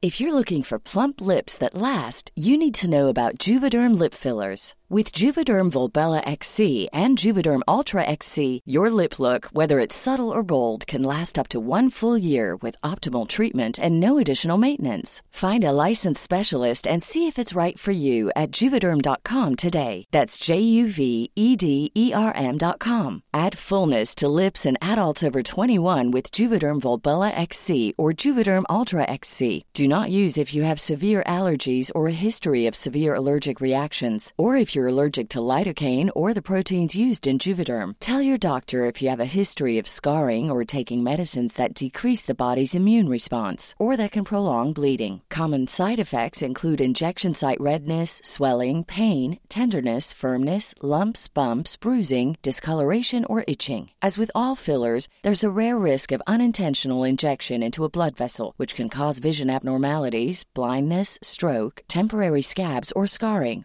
For full important safety information, visit juvederm.com. med sina skådespelarkollegor, att man blir nära, så man vågar vara liksom. Men det behöver jag ju inte överbrygga. Så att jobba med Anton var ju bara helt fantastiskt. Imorgon ska vi faktiskt gå och läsa en pjäs som eh, eh, Staffan Götestam har skrivit. En jättehäftig, mycket, mycket annorlunda pjäs. Som eh, Anton och jag ska läsa tillsammans med några andra skådespelare. Där vi ska i så fall, om det blir av, ska spela mot varandra. Jag längtar efter det också. Alltså, finns väl inget bättre än att få jobba skådespelarmässigt mot någon som man i grunden känner sig trygg med. Nej, det låter ju fantastiskt. Ja, det gör det. Om man, om man håller sin profession. Jag vet ju gånger då Helena gav Anton regi. Och jag kunde känna att oj, nu går hon på hårt. Det gör regissörer ibland. Och då fanns det en mamma-oro i mig. Att Anton skulle bli ledsen. Eller orolig att inte hitta rätt. Och att det skulle bli knepigt för mig att jag har ansvar för Anton. Men om jag bara kom på den känslan och förstod vad den var. Så kunde jag liksom, nej, där går jag inte. Då gick jag därifrån och lät dem sköta det liksom. Men var, Och var, det- var du nära på att säga till Helena då? Nej, nej, nej det var jag inte. För att jag vet om att det där är- har jag inte med att göra. Sen kan man ju ge varandra skådespelarråd. Absolut. Och då kan det ske utan regissörens närvaro. Så nog kunde Anton och jag snacka när inte regissören i detta fallet, Mm. Helena var med och säga vi kör det här, vi prövar det här. Eh, och då kan man ändå uppnå det som mm, kanske regissören mår gott utav för att då jobbar vi ihop och så levererar någonting. Men nej, jag tycker att Anton och jag vi hade, vi hade bra, bra spel. Mm, Men min bästa mammakänsla det var att när man då lägger så mycket tid på jobbet, åker iväg på filminspelning, det är långa dagar, det är mycket ifrån familjen, så hade jag ett av unga, en av ungarna med mig på jobbet. Det var väldigt mysigt. Mm. Men alltså Anton är, han är, fan, han är lätt att tycka om alltså. Ja. Jag var ju här förra veckan och en snabbis då och när vi eh, bestämde oss för att skjuta upp den här podden och Mm. eh, jag satt och snackade med honom i trädgården i, i 20 minuter. Han är ju bara så här sympatisk. Ja, men han är skön. Det är en väldigt... jävla positiv och bra energi. Jag Ja. kände bara så här, likeable människa liksom. Ja, men det är han. Han är en väldigt, han är stark, eh, stark pådrivare i familjen. Så. Mm. Mycket duktig på att hålla syskonen varma och mycket kärlek Mm. och i kräftan. Så. Fint. Dessutom, eh, och vad jag märkte med responsen på En underbar jävla jul, det är att Mm. människor blev glada över att budskap om rasism, om eh, rädslor, om, eh, om homofobi, om eh, traditioner, om fördomar och sånt som den här filmen faktiskt handlar om. Om att hitta ett språk, om ålder, relationer i ålders, med åldersskillnad. Att överhuvudtaget i en komedi väva in så mycket och få det att funka så genialt som det gjorde tycker jag i filmen. Det var både modigt och väldigt smart. För ibland kan humorn, humorfilmer stanna vid ett knasigt bröllop eller en, en knasig resa eller en, en knasig klassfest. Alltså, och nu nämner jag inga filmer men men här vågar Jag kan ju man... tänka Ja, det du lät som att det var... Nej, men det var... Jag tycker bara att problematik... Ja, men det kan bli roligt sen. Ja, Humor, överhuvudtaget är det svårt att sk- skriva komiska filmer. Det är bland Mm. det svåraste som finns. Faktiskt. För man kan aldrig korrigera när folk skrattar in i nästa replik eller inte skrattar och, och snabba på. Mm. Alltså på en scen kan du liksom, det här funkar inte. Antingen lägger jag det på ett annat sätt till föreställningen imorgon eller drar vi bara på. Mm. Komiken kommer där, det visste vi ju inte. Förstår du? Men film är färdigklippt och sätter man på den så går den. Liksom. Eh, Men eh, jag är, jag är stolt över att få lov att vara med i en sån komedi som faktiskt folk kunde referera till. Som mm. jobbade på flera plan. Och den har, har jag också fått mycket kommentarer till. Bland, bland eh, både invandrade människor, nysvenskar och homosexuella och framförallt väldigt mycket julbundna, jultraditionella människor som, som sa att det var skönt att få lite jag menar, sån, jag är lite gärna sån. Jag är lite sån som dig och sådär. Så, de- men det är skönt. Okej. Det är, men det är ju en konst att blanda allvar och, och humor sådär. Som inte många bemästrar. Men jag tycker ni lyckades med det faktiskt. Ja, men jag tycker också det. Jag tycker den blir både rolig och träffande och rörande. Och det, då blir det lite internationell klass. Absolut. Man närmar sig det. Nu ska vi prata om Den bästa av mödrar. Ja, Mm. Kul. Som är en fantastisk film. Och jag vill, pra- jag vill prata om filmen men framförallt prata om Micke som du spelar mot. Mm. Eh, hur var det att spela mot Micke? Och hur var den inspelningen? Alltså inspelningen var bland det finaste jag fått göra. Helt fantastiskt. Eh, vi, jag blev, jag blev, i och med att vi har pratat om Sally så hade jag redan gjort Sally då. Och den hade även gått i Finland. Och jag blev uppringd utav en finsk regissör som heter Klaus Härö. Eh, och han ville träffa mig på ett hotell och eh, han ville prata med mig om en filmroll. Och grejen är att jag visste inte vad det var för en eh, film utan jag träffade honom för att han skulle berätta. Och då har han berättat för mig att eh, när jag kom in, det var en sån här rull, var nere någonstans vid centralsta- centralen, ett, en rull, så här av dörr som man kommer in. Då har han berättat för mig att han hade sån enorm eh, respekt för mig som skådespelare och jag gick omkring och var orolig att han inte hade det utan att Sally låg i vägen. Och då så, så när jag hade kommit igenom den där så hade han tittat och sagt ah, där kommer hon. Eh, och eh, så, hade, så, fråg, så sa han så här, jag har sett Sally. Jaha, har du, sa jag. Ja. Besviken. Ja, jag är lite sådär, jag är lite orolig för att han skulle säga, kan du något annat? Men han sa så här, och det är just därför jag vill ha dig. Jaha, sa jag. Jo, för om man kan gå så långt åt det ena hållet så kan man gå lika långt åt det andra hållet. Så det var min liksom kärleksförklaring eh, som jag fick av honom och då kände jag mig väldigt trygg. Och, och modig att våga liksom gå in i den här totala nakenheten och ångesten och sorgen. Och hur ser en sorg, sorg ut? Den är inte tillrättalagd och, och vacker, den är naken. Den kan bli ganska så eh, inte, ja den kan bli ganska ful. Rent, eh, vad heter det, utseendemässigt. Eh, Och jag tror, så att själva inspelningen var fantastisk. Sen fick jag manuset och redan på sidan liksom sju så storgrät jag och ringde till Klaus och sa bara tack, tack. Det är en, en av de finaste presenterna som jag har fått. För med inspelningen, förutom Klaus fantastiska öga. Han kunde komma ibland mitt i inspelningen och bara titta på mig. Och så kunde vi stå där och så bara han så här, bra, bra, jag ser vad du tänker. Sen gick han. Och så gjorde jag en gång till. Och jag, jag har nog varit ganska så duktig på att själv agera vidare och liksom så här, ehm, jag har inte behövt säga, ha en regissör som säger kan du inte göra så här? För jag har nog redan gjort sådär. Eh, apropå att regissören sa, men det är bra nu. Ja, men kan jag inte göra så här då? Så, så att vi hade ett fantastiskt, eh, eh, en fantastisk inspelning och det var väldigt känsloladdat. Brasse Brännström spelade en pappa som var väldigt återhållen och utvecklingsstörd på ett sätt. Och, eh, och temat var så starkt. Och lilla eh, kille som spelade den finska krigspojken bestämde Klaus här att jag inte skulle träffa. Jag vill inte att ni pratar med varandra. Varför inte det? Nej, ni känner inte varandra i filmen. Jag vill inte att du ska vara varma, sköna, roliga Maria. Nu ska du vara Signe. Så att jag gick så länge med den här killens närvaro. Jag älskar ju unga liksom. Och vill ju inte att han skulle få någon annan känsla för mig än för Maria. Men Mm, det funkar ganska bra. Men när Signe och eh, Nemo som han då hette, när de hade fått ihop det med varandra, då fick Maria relatera till honom som den han, den han var. Förstår du vad jag menar? Och då blev det väldigt, väldigt gott. Och de scenerna som kom utifrån det blev ju väldigt äkta.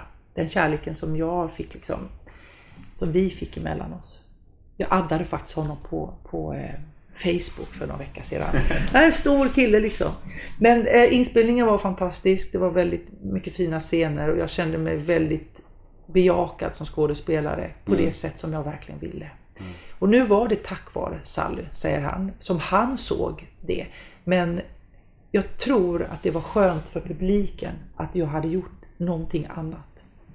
För att eh, jag vet efter Sally, för jag vet att det kan vara svårt att relatera till mig när jag gör 100% allvar. För det var en del som eh, gjorde en film innan där som heter Familjehemligheter. Och då hörde jag på en offentlig sittning en gång att folk började garva så fort jag började visa mig. Och den var också dramatisk. Men jag tror att den bästa av mödrar, då hade jag gjort så pass mycket så att då kunde de gå in i Och jag fick ju bekräftan. Jag fick ju enormt mycket priser. Både i Sverige och i Finland och i Norden och internationellt. Jag var liksom både i Berlin och Frankrike och i eh, Kairo. Där jag stod i, i konkurrens med Angelina Jolie. Förstår du? Och då blev jag vald till... Ja, det är stort. Så det, var, det var ett riktigt sånt peakår för mig, kan jag säga. Just med den filmen. Och Micke, Micke var också eh, väldigt, väldigt fin att få jobba med. Och det var, jag var så privilegierad så att jag fick lov att välja motspelare. Är det sant? Jo, jo, jo, jo. Och eh, då valde jag Micke för jag hade gått och ny, liksom nosat på honom. Som alla andra förstås så tycker att han, han hade en sån alldeles, alldeles egen närvaro. Som var någon sorts... Ja, han, han, han var, är, han var ju väldigt... Eh, Känns speciell alltså. Ja, väldigt, väldigt speciell. Och vi hade en jättefin kontakt. Vi hade en del fighter tillsammans, Micke och jag, då vi diskuterade hur vi skulle lägga upp saker och ting. Och det var också skönt att kunna ha till med någon. Eh, och i grunden tror jag att det handlade om att vi hade väldigt stor respekt för varandra. Vi tyckte väldigt mycket om varandra. Och då kan det bli liksom urladdningar så här. Men eh, ehm, det blev väldigt fint, tycker jag. Just våran, våran energi. Och filmen är ju en som jag bär med mig som det, det, det finaste jag fått göra. För att efterspelet, när filmen var gjord och den visades i Finland, så var jag där och jag har varit på mycket visningar och den blev representerad och eh, tävlad med överallt. Och varje gång jag kom så, så var det människor som var väldigt engagerade. Och var jag här runt omkring i Norden så var det ju väldigt många av just de här krigsbarnen som kom. Så en av de här resorna som, vi, som jag gjorde där filmen skulle visas, då åkte vi ner till Skåne. För det var mycket, skåning, mycket eh, finska krigsbarn som kom just till Skåne. Och eh, då var det, tror jag, tre busslaster fulla med krigsbarn som skulle åka till inspelningsplatsen för Den bästa av mödrar. För den här filmen var ju en, en, en öpp- öppnare, öppnare för dem. De hade aldrig fått sin historia berättad. Eh, de har levt med denna avsaknad av, av ett hemma i hela sitt liv. De hade inte Finland som sitt hem, de hade knappt Sverige som sitt hem. De var liksom rotlösa.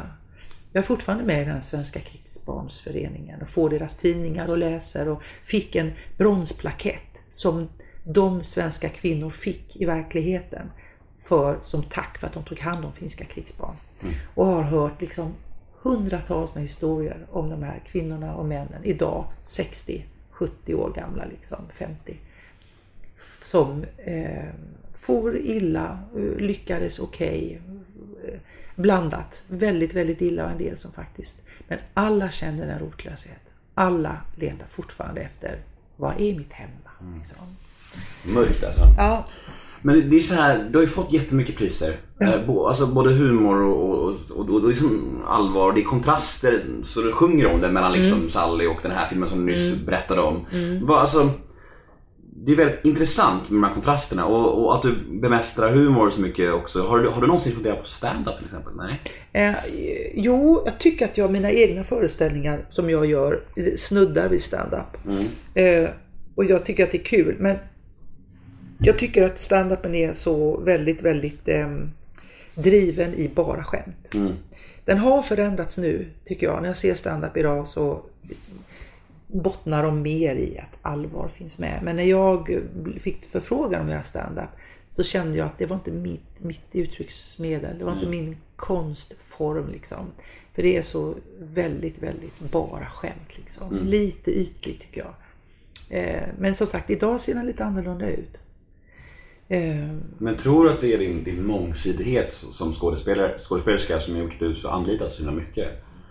Ja, det tror jag. Jag tror faktiskt det. Att folk har sett att jag inte är rädd för att eh, hålla en föreläsning på ett, ett golv med icke, icke dekor och nä- lösnäsan på. Utan, och, och att, jag har, att de tycker att jag kan formulera mig och prata om något som berör dem. För att en del skådespelare vill inte göra sånt. De vill inte eh, stå inför en publik nära utan skyddet av den fjärde väggen liksom. Och, fattar du vad jag menar? Eh, Så att, och att jag dessutom tycker att det är kul och tycker att det är en del utav mig att använda musik. Vilket gör att jag kan din- dimpa ner i krogshower och eh, liksom julshower och eh, göra liksom sommargig. Gig liksom. Inte på Stadsteatern föreställningar. Det, det är nog för att jag tycker att det är kul och för att jag fuskar i allt det där. Jag fuskar i både dansen ehm, och i sången. Det är ju Hur då inte min- fuskar Jo men det skådespeleri, Fake it till you make it. fake it till you make it and Ja. Mm. I have made it liksom. Men jag kan fortfarande säga, jag skulle aldrig säga att jag är dansare. Jag är skådespelare. Men jag använder mig utav hela mitt instrument Mm. som både rör sig och eh, kommer till uttryck i sång. Mm. Och tolkar texter på det viset. Och eh, då säger, brukar jag säga att jag fuskar i det. Men det är jävligt bra fusk. Liksom. Men det är nog, ja, jag tror att det är för att jag är och har gjort mig mångsidig som jag, att många liksom, arbetsfält är öppna för mig. Vad är, vilka, roller är det, vilka roller är det roligaste och vilka roller är det svårast? Svårast är komiken. Eh, och framförallt den renodlade komiken. Jätte, jätte, jättesvår. Ja, det är mycket svårare att få folk att skratta än att gråta ja, för det är inte bara så att om jag går in och gör Sally så kan jag få folk att garva. Då vet jag exakt. Men att ha någon som skriver så där är jättebra. Någon som filmar av om det ska filmas av och klipper och hittar kul kameravinklar och regisserar. Alltså vi, komik är så svår att fånga i sin helhet liksom. Men, eh, och det, det är det svåraste. Men när jag får till det så är det ju också det roligaste. Eh, just nu sitter jag och skriver. Vilket är jättesvårt. Men också väldigt, väldigt roligt. Jag har översatt och gjort egna tolkningar på låtar, texter utav Sting till exempel. Som jag har gjort, eh, plockat in då som jag låter eh, folk som jag tycker är bra eh, liksom, sjunga. Och det är ju fantastiskt att höra en text som man har jobbat med länge. Som någon, det är en ny sak. Så att, jag tycker nog att det, det mesta är ganska svårt och kul. Vi pratade ju lite om Micke Nyqvist och jag brukar alltid i mina poddar fråga om frågor om döden. För jag är fascinerad av det, jag tänker på det mycket själv och jag, jag tänker ännu mer på det sen jag själv fick barn faktiskt. Ja. Det blir så här, man blir så Ja. medveten om sin egen dödlighet, om, om livets ändlighet och så här. Mm. Förändrades ditt perspektiv till döden när en kollega som du ändå kände gick bort? Eller hur, hur tänker du kring döden? Är du rädd för döden? Har du ångest kring det? Ja. Eh, ja, det är faktiskt. Det förändrades både när Micke dog och varje gång man, man eh, har någon som står en nära och man ser hur lätt livet liksom gick från liv till död. Det är ju inte liksom en, någon, någon lång process. Någon människa kan vara död eller vara sjuk under en längre tid. Men från det att man liksom ser den i ögonen tills de är slutna, det är. Och det blev en sån enorm tomhet. Jag levde med min, eh, mm, med min eh, svärfars död, så att säga. Han dog för ett år sedan. Och den perioden har påverkat mig hur mycket som helst. I att, och jag ska inte säga att jag har varit så här frånvänd eller varit orädd för döden eller känt att äh, det där bekommer inte mig någon gång i mitt liv. Jag har nog stått väldigt nära känslan av att vara omsorgsfull i att leva livet här och nu. För att det finns liksom annat eh, som kan ta över.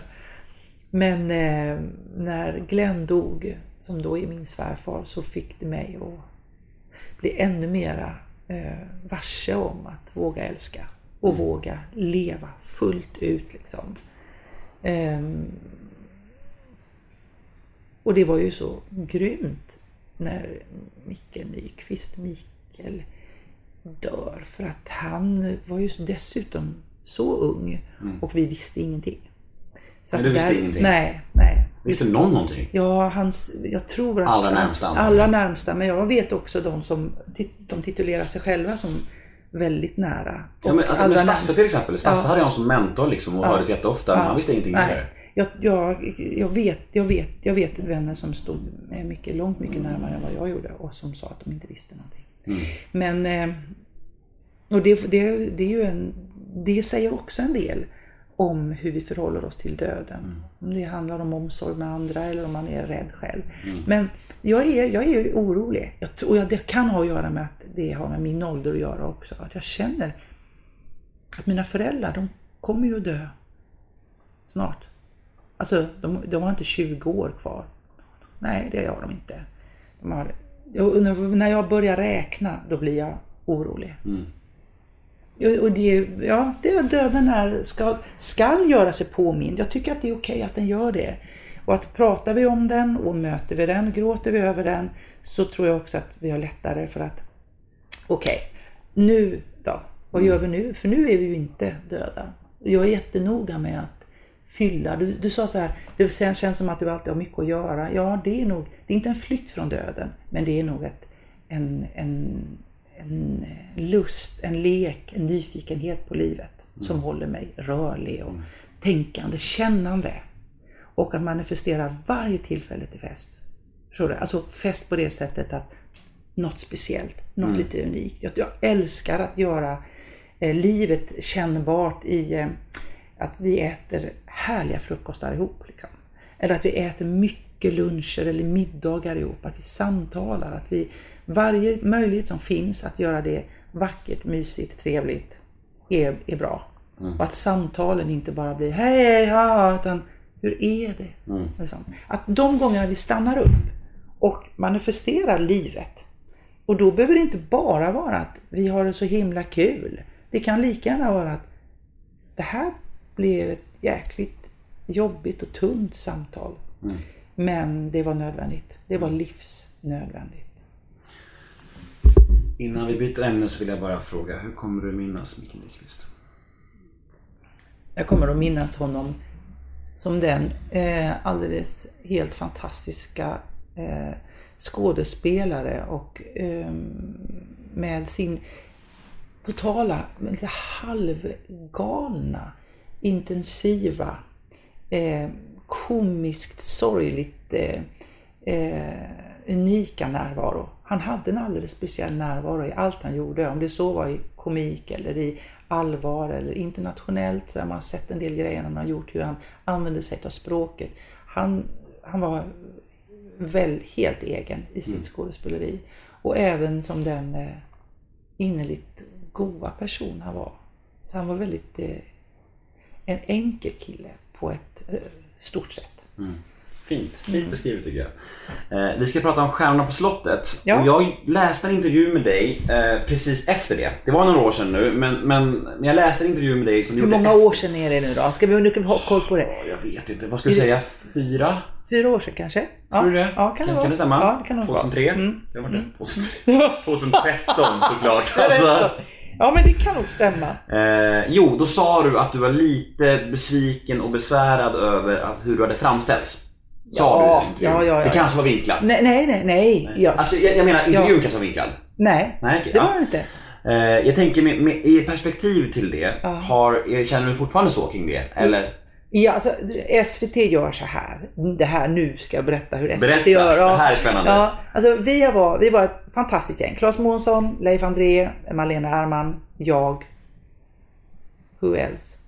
Ja, det var bara vi. Nej, det väl bara...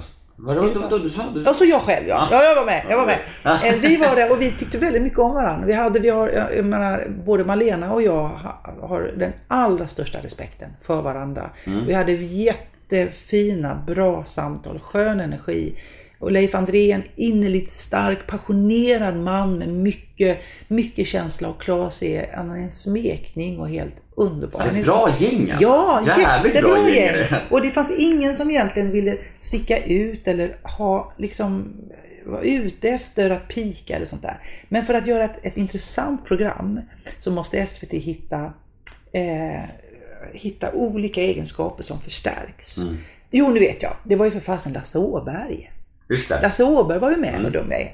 Eh, mitt fel. Eh, och han är ju också en hel, han är ju helt underbar. Han är ju lite mer tillbakahållen. Honom fick man ju liksom eh, eh, locka lite grann Mm. mer i så här. Men ljuvlig och så fantastisk. För jag har aldrig jobbat med Lasse förut. Det var jätteroligt att få vara med honom.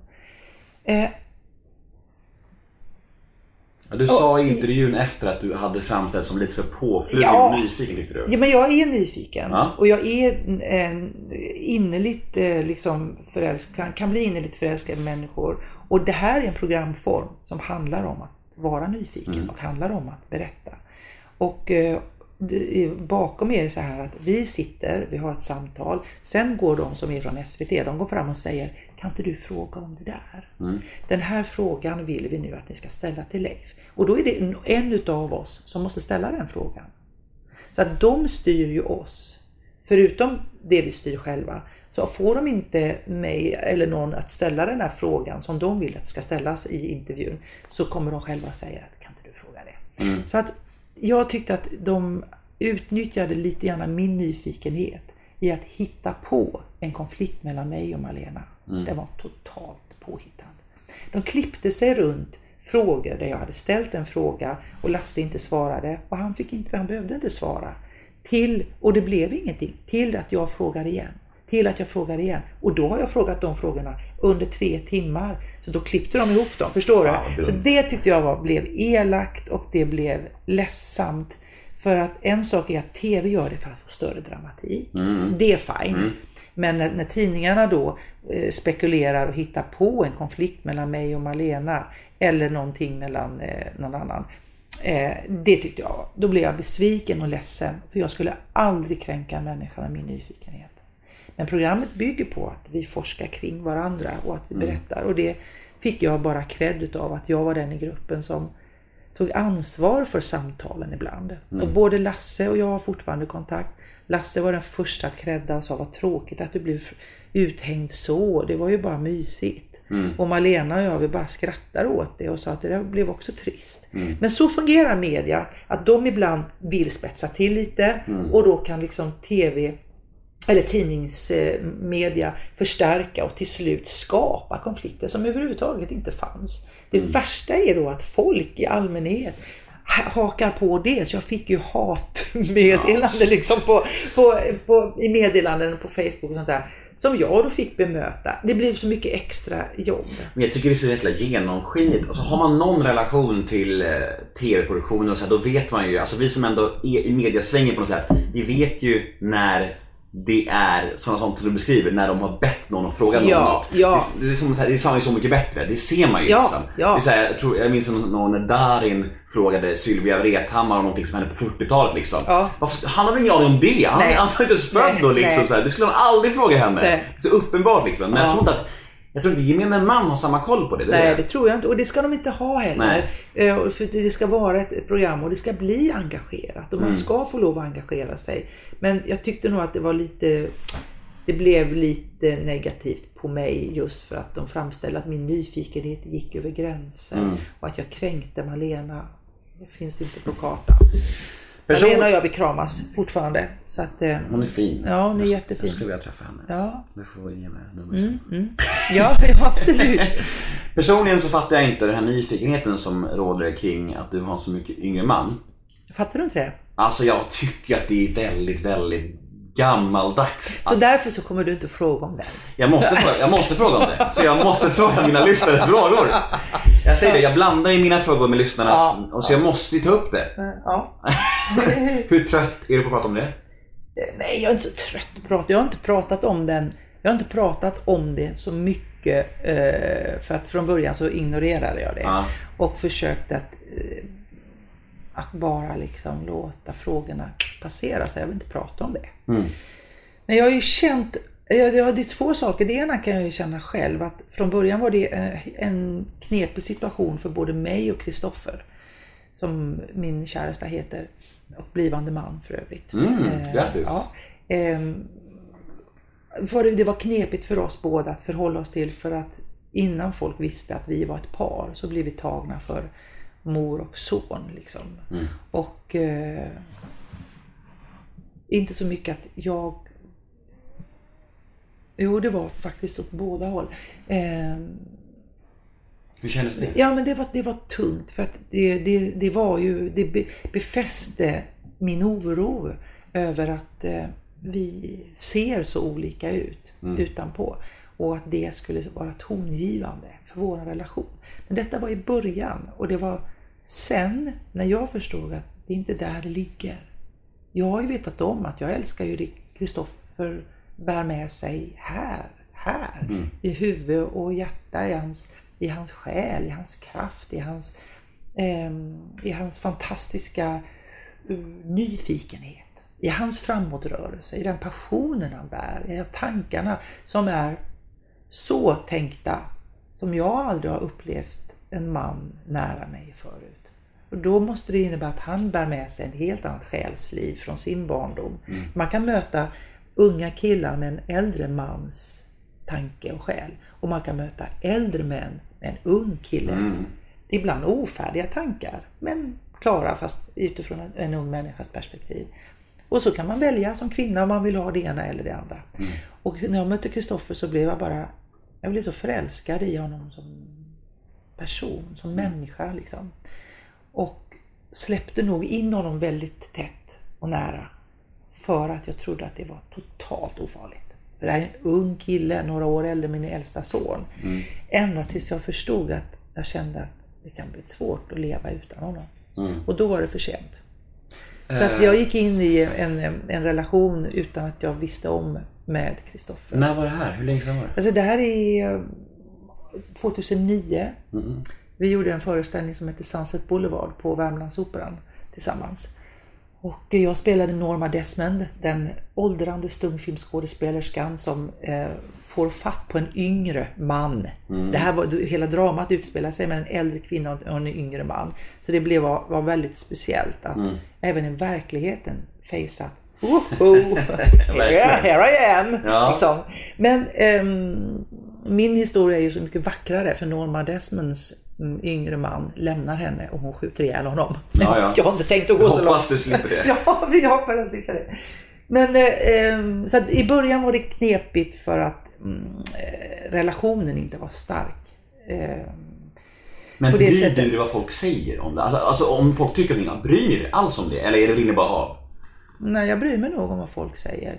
Men hur mycket är en annan sak. Eh, och rädslor triggas ju av vad folk säger. Så. Och många blev, eh, mötte alltihopa med stor skepsis. Många av de vänner som jag kanske inte har kvar längre mötte det med att det var sjukt. Att det var äckligt och konstigt och fånigt och, och väldigt oövertänkt och så. Men idag, nu har jag ju perspektiv till det. Nu har det ju faktiskt gått Åtta år. åtta år liksom. Och eh, jag älskar Kristoffer som, som jag aldrig har älskat någon förut. Och den kärleken är så besvarad.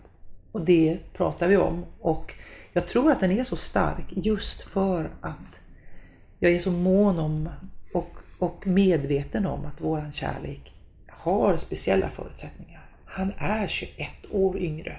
Han kommer att behöva göra liksom sin resa eh, med mig på ett annat sätt än om man är, är jämna i ålder.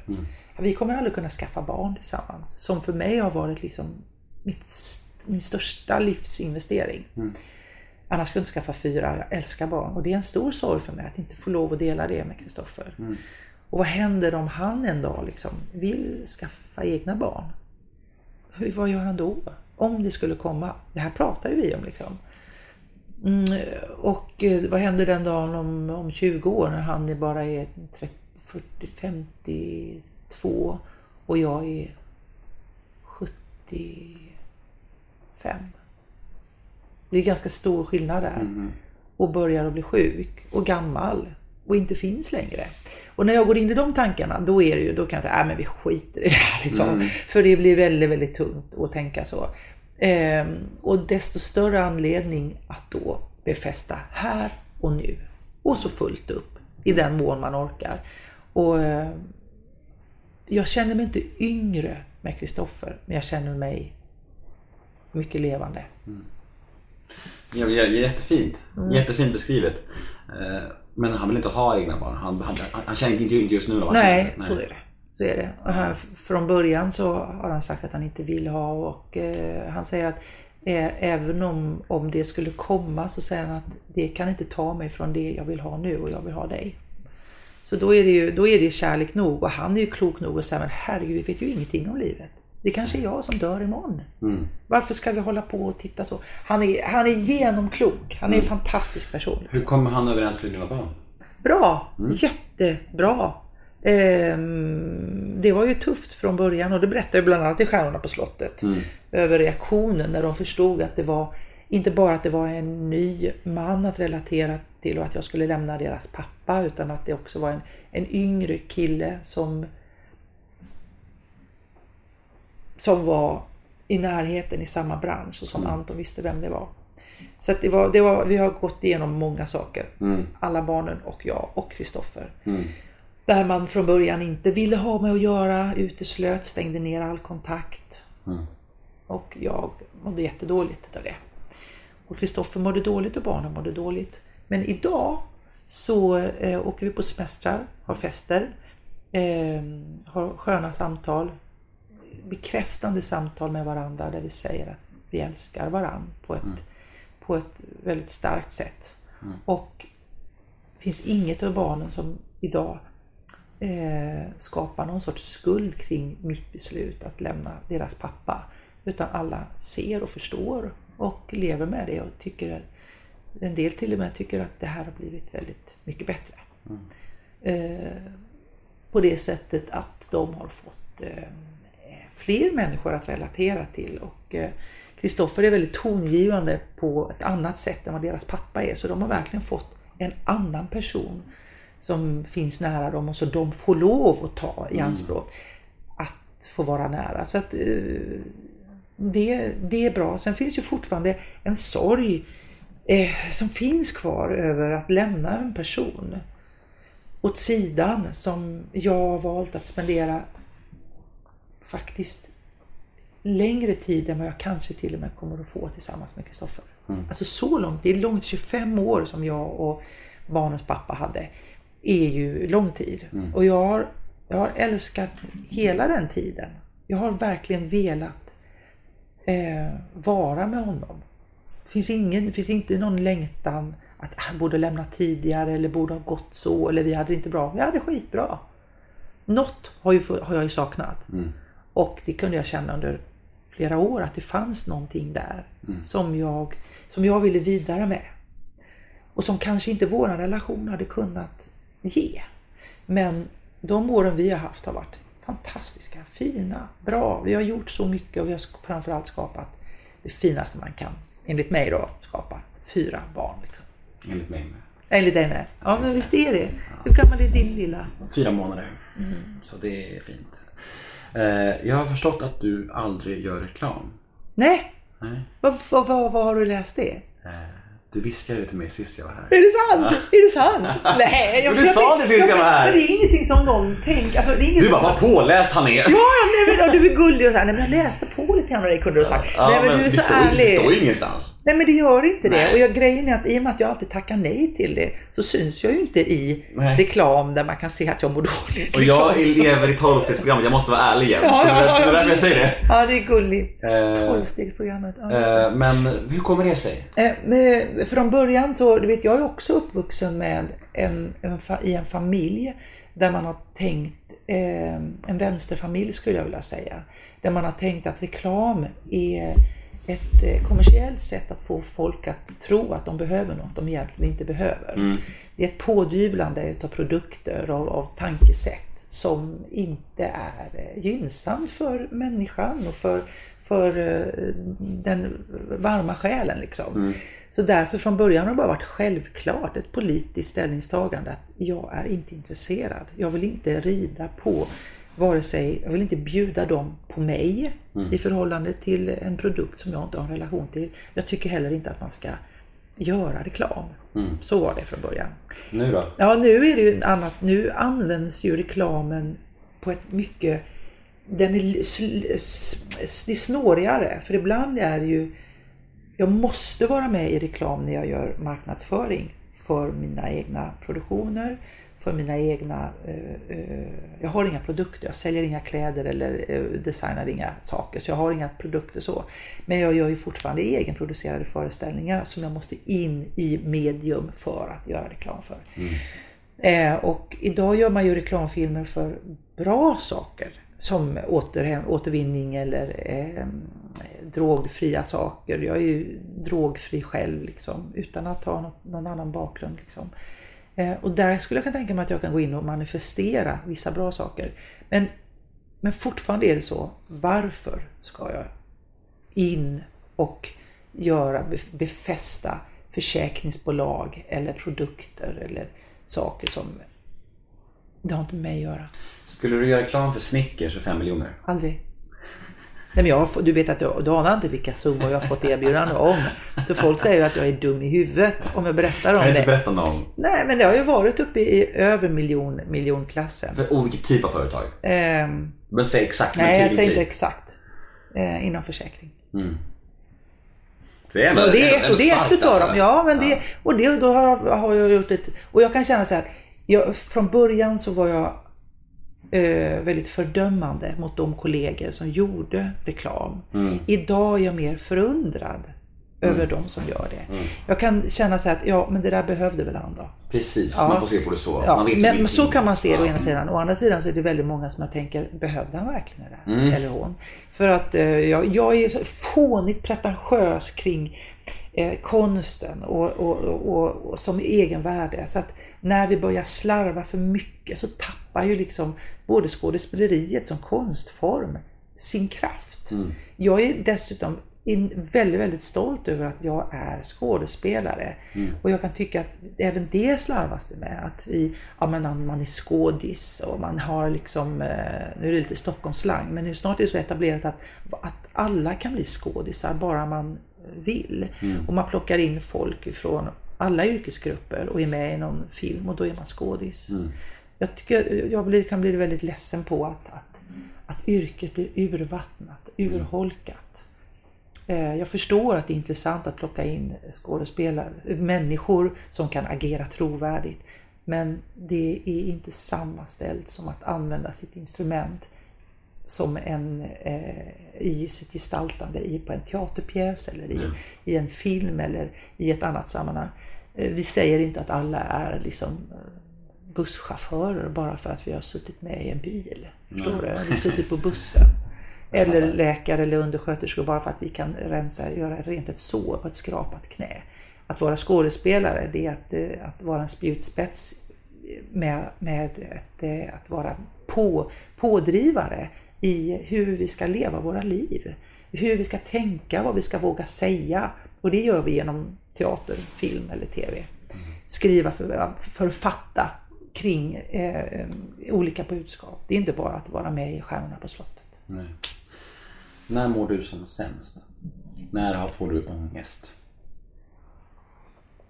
Du, jag ska säga Ta en klunk te. Ja, precis. Nej, men vet du, när jag gick på scenskolan, nu har jag sagt att jag kom in på scenskolan så, så tidigt, då var Mm. jag som 18 år, ung, helt ångestfri. Mm, skönt. Skönt! Good old days. Ja, jag, hade en, min bästa, bästa, finaste scenskolekompis. Hon visste vad ångest var. Hon var 10 år äldre än mig, hon var 28 år. Levt en relation, var på väg ur den, levde på ett helt annat sätt. Till skillnad på Mm. 18 och 28.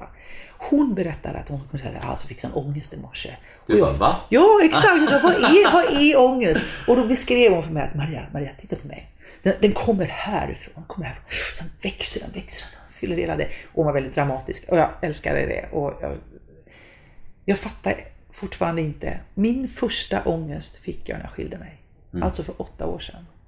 Jag har aldrig haft ångest. Jag har varit lite orolig, ledsen, Mm. förtvivlad så. Men ångest, det är ju det är ju väldigt, väldigt stark Det känns oro. ofta som att folk missbrukar det ordet Ja, också. jag tycker så, det. "Ja, jag hade panikångest. Man bara, du vet inte vad det är Nej, liksom. nej. Men det är också att du beskriver en uppväxt som väldigt kärleksfull Ja. och trygg. Och Ja. du beskriver att du har, du har varit drogfri. Alltså du har inte så stora anledningar att ha fått Nej. riktig ångest Nej, heller. nej. Så det är ju rimligt kan jag Ja, säga. det är rimligt. Och jag tycker man ska vara medveten om det.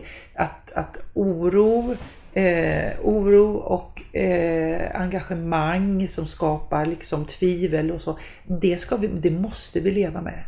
Gör vi inte det så går vi för liksom enkelt genom livet. Vi ska inte vara rädda för sorg, för, eh, för, för de känslor som liksom tar tag och som kräver oss på att känna efter och gå ner och fundera och bearbeta och sådär. Men ångesten, den är svårare att handskas med för den är bedövande. Och den tycker jag man ska söka hjälp för. Jag gjorde det när jag fick ångest, för den var precis som min C-skolkompis pratade om. Den tog tag liksom. Den, den gick inte att tänka bort. Den drabbar för att man inte kan styra tanken längre. Och den är fruktansvärd.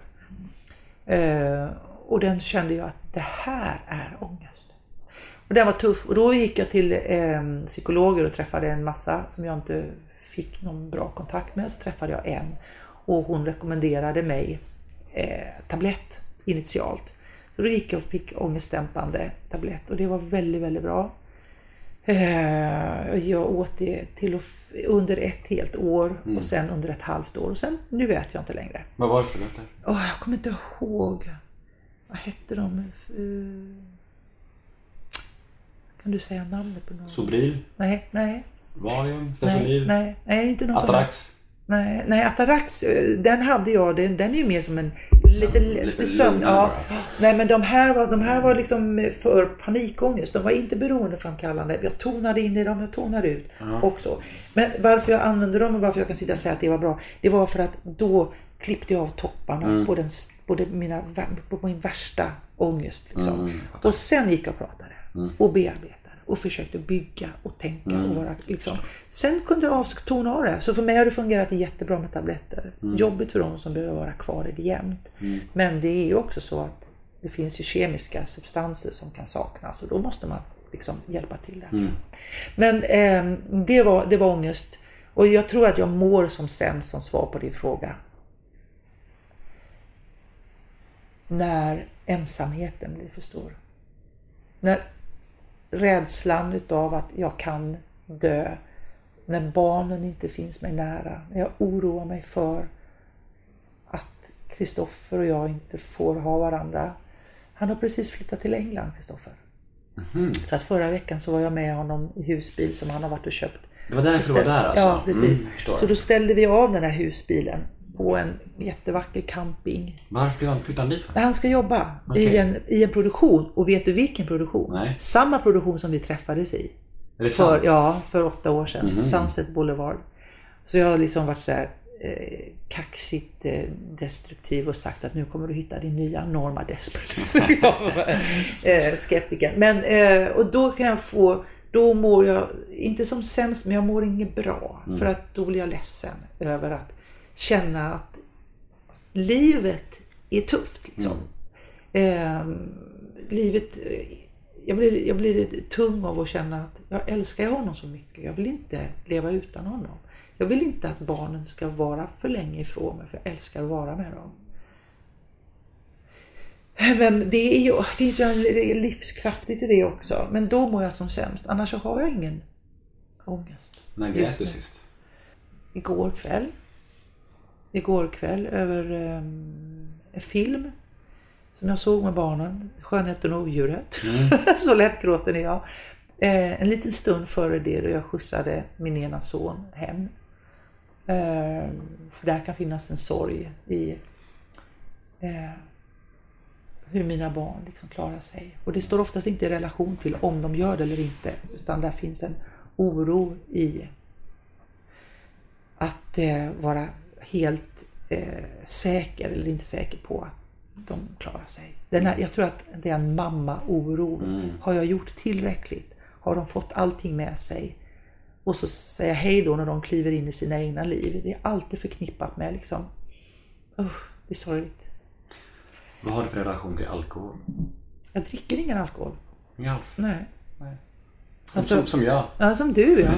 Men alltså, jag, gjorde, jag, gjorde, har gjort det några gånger sådär. Framförallt när jag var yngre. På, jag kan räkna på, mina, på min egna hand. Liksom.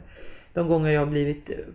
Då har jag liksom hållit för näsan och druckit för att jag varit osäker och velat få lite fylla eller ett rus. Men jag har inte behov, jag tycker inte att det ger mig någonting idag. Jag tycker inte att det är gott. Jag tycker vin smakar peck. Det är verkligen fruktansvärt äckligt. Jag tycker öl är bara beskt och eh, konstigt. Jag tycker att drinkar, om, de är, om det inte finns gin eller eh, liksom konstig alkohol i, så smakar de gott. Men det är ju för att jag gillar sötman. En strawberry daiquiri är ju fantastisk, fast utan rom. Så att när jag liksom dricker drinkar så tar jag bort alkoholen för att eh, det blir ju mycket godare då. Jag är ju söt, jag gillar ju sött. Det är mitt, mitt narkotika liksom. Jag tycker om eh, söta drinkar. Så att, Vad, nej, jag- befriande med skådis som inte krökar. För det känns som att de flesta skådisarna krökar väldigt mycket. Eller framförallt männen då, måste jag säga. Ja. Gubbarna. Mm. Och de kommer undan med det också för att de på något sätt så här, det, är- det är liksom lugnt man är en teatergubbe att vara lite Mm. alkad på något sätt. Så. här. Ja, det är nog men jag dricker, jag röker inte, jag snusar inte, jag dricker inte kaffe heller. Jag dricker te. Men... Du äter jag- godis. Och äter, äter godis, ja. ja, ja jag, äter, jag äter inte så jättemycket godis, men jag tycker om eh, efterrätter. Jag tycker Mm. om liksom eh, eh, kakor och liksom den formen utav stimuli liksom. Ja, Var är kakorna nu undrar jag? Ja men, jag hann inte baka. Vi är snart klara. Vi är snart klara, då kan vi ta en kaka. Ja, då gör vi det. Jag har ett segment som heter ett ord om. Ja. Det går ut på att jag säger fem stycken offentliga människor i Sverige och du säger det första ordet som kommer i ditt huvud när du hör namnet. Mm. Är du med? Bra. Och om jag, om jag inte känner igen människan? Ja, då får du säga pass bara. Pass, bra. Mm. Alex Schulman. Pass. Nej, eller vacker fru. Förlåt, jag skulle kommenterat Alex Schulman. Du sa första ordet. Vacker fru. Du. Ja, ja, men sen så kom jag på hans Du fru. vet ju vem det är. Ja, ja han men du hänger måste ha ett ord på honom. Nej. Vad du tänker när du hör hans namn. Nej, jag, jag har faktiskt inte upplevt honom speciellt mycket. Du får säga vacker fru, det är Ja, vacker fru, ja vacker, vacker fru. Och så hänger han på en, på en stor bild på Maximteatern där jag spelar Shirley Valentine för tillfället. Mm. Och det kan jag tycka att den bilden är lite för stor. Ja. Jag tycker de ska plocka ner den. Nu Upp är jag, med dig. Ja, upp med mig. Marcus Birro. Fantastisk. Sara Larsson. Eh, underbar. Jimmy Åkesson. Kränkande, eh, otäck. Leif GW Persson. Eh, underhållande. Vi har två stycken... Och, eh, och, och genialisk. Alltså han är en upplevelse. Upplevelse. Ja, han är helt- helt eh, eh, Unikum. Ett, ett unikum. Och så blir jag så himla glad apropå Robert Gustafsson. Mm. Att de var tydligen ihop. Där och läst det. De ska göra en ny deckarserie ihop. Ja, så jäkla kul. Spännande. Och då tänker jag, kan man inte få vara med och spela någon bitter fru där då? Ja, Eller hur? ring ju Robert. Ja, jag ringer Robert. Eller, Eller GV, Leif. Leif GV. Jag har två stycken brev från läsare här. Eh, och det lyder så här. Första är Hej fina Maria. Jag är lite nyfiken på din relation med Helena Bergström. Hur skulle du beskriva den? Helena och jag har egentligen eh, eh, två relationer ska man säga. Privat så har vi en ganska då, alltså inte dålig relation, men vi har en, en eh, sparsam relation. Vi umgås inte så mycket privat. Man tror ju att ni är ja, polarna. Ja, men det är vi bilden man inte. har. Det är vi faktiskt inte och jag kan sakna det på ett sätt. För att jag gillar Helena och vi är väldigt, vi är väldigt lika på ett sätt. Vi har, vi har haft barn i samma skola så vi hade liksom klass, vi var klassföräldrar ett tag och vi har haft barn som har varit kära i varandra. Eller åtminstone min dotter har varit kär i hennes son. Men vi har haft referenspunkter och vi har en gemensam kärlek till hennes man. Hon har sin och jag har min. Ehm, och vi har, vi har mycket värderingar. Så när vi tänker, vi har samma passion kring jobbet. Vi, vi är engagerade båda två. Sen, men eh, det, det, är, det är säkert, säkert för att livet är väldigt starkt för oss båda två som vi inte hinner. Liksom. Och vi skrattar väldigt mycket när vi är tillsammans. Men vår jobbrelation är eh, fantastiskt bra.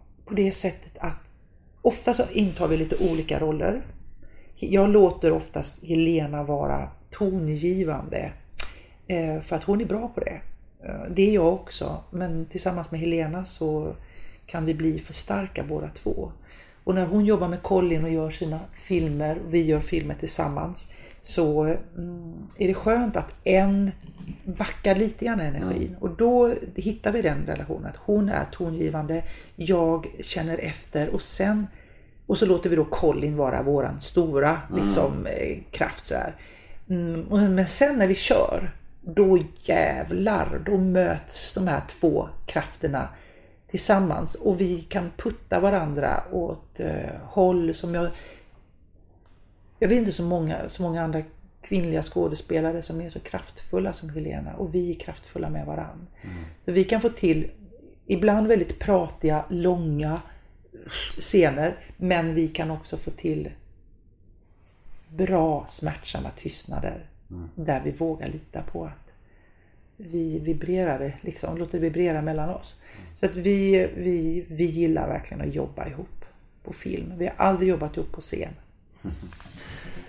Hej Maria, kan inte du berätta om hela grejen med Tito Beltram? Hur upplevde du den grejen och hela processen? Jag älskar dig. Åh, nu skulle vi haft en halvtimme på oss. Ja, det, är kanske, det kanske blir så långt. Alltså vi har hållit på i två timmar. Ja, det har vi. Och jag ska Men- iväg och läsa den här pjäsen klockan ett. Men jag kan bara säga så här. Keep it short alltså. Ja, keep it short. Går det? Eh, Ja, på, vi kan se om det blir det. Vi provar.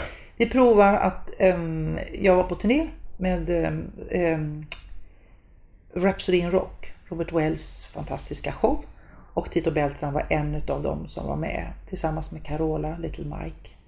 En stor orkester och jag. Och vi gjorde en sommarturné. En utav, kväll, en utav kvällarna så var min barnflicka nedbjuden till Tito för att få massage. Han erbjuds massage och hon hade ont i nacken och hon eh, gör det. Det dröjer en stund och sen kommer hon upp och eh, är helt förkrossad. Och det konstateras sen eh, eh, att han har blivit våldtagen utav honom och jag går ner och skäller ut Tito och skriker åt honom och Vad säger han? han säger du kan aldrig sätta fast mig. Är det sant? Iskallt. Ja, is, helt iskallt. Eh, Det finns mycket, mycket, mycket mer att berätta om detta här. Mm. Men bakgrunden är en, en absolut 100% våldtäkt. Men flickan vågade inte, ville inte, kunde inte polisanmäla detta här. Vilket gjorde att det tog nio år innan hon ville vara med. Nio Och, år? Jävlar.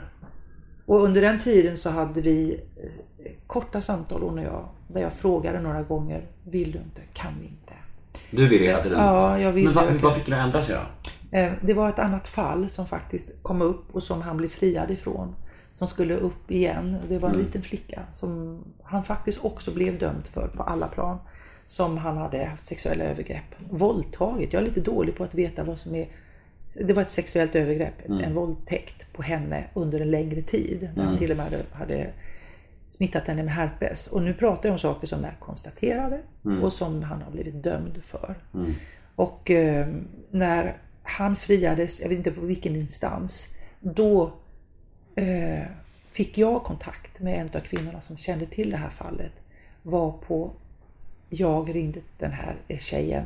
Eh, och hon sa att jag vill berätta. Då vill jag berätta. För att det blev så påtagligt för henne att eh, andra Det finns fler, blev, liksom. Ja, det fanns Ja. fler och, och andra blev... handlar inte om mig längre, Nej, och det, nej. Var, det, var, det, var, det det. Men å andra sidan var det också för att det här var en ung tjej. Mm. Hon hade aldrig kunnat få rätt. Eller fått sin historia liksom trodd. Och faktum är att det var flera stycken som sa efteråt att tjejer som blir våldtagna hamnar oftast i en sån djup, djup låsning förstås. Man blir ju kränkt in i liksom in i minsta del av sig. Så att det är svårt att stå pall för de frågeställningar som görs. Man blir ifrågasatt, man blir ifrågasatt om man verkligen inte ändå var lite med och vad man hade på sig, varför man själv utsatte sig för den och den situationen. Så att i de lägena är det väldigt svårt att veta och kunna säga jag blev våldtagen, jag har inte haft någonting med det att göra. Och man kan bli knäckt utav förhörs, förhörsledare och sånt där. Så att eh, de sa så här att det här var så trovärdigt återberättat och så starkt och så genomlevt. Därför blev det också så trovärdigt.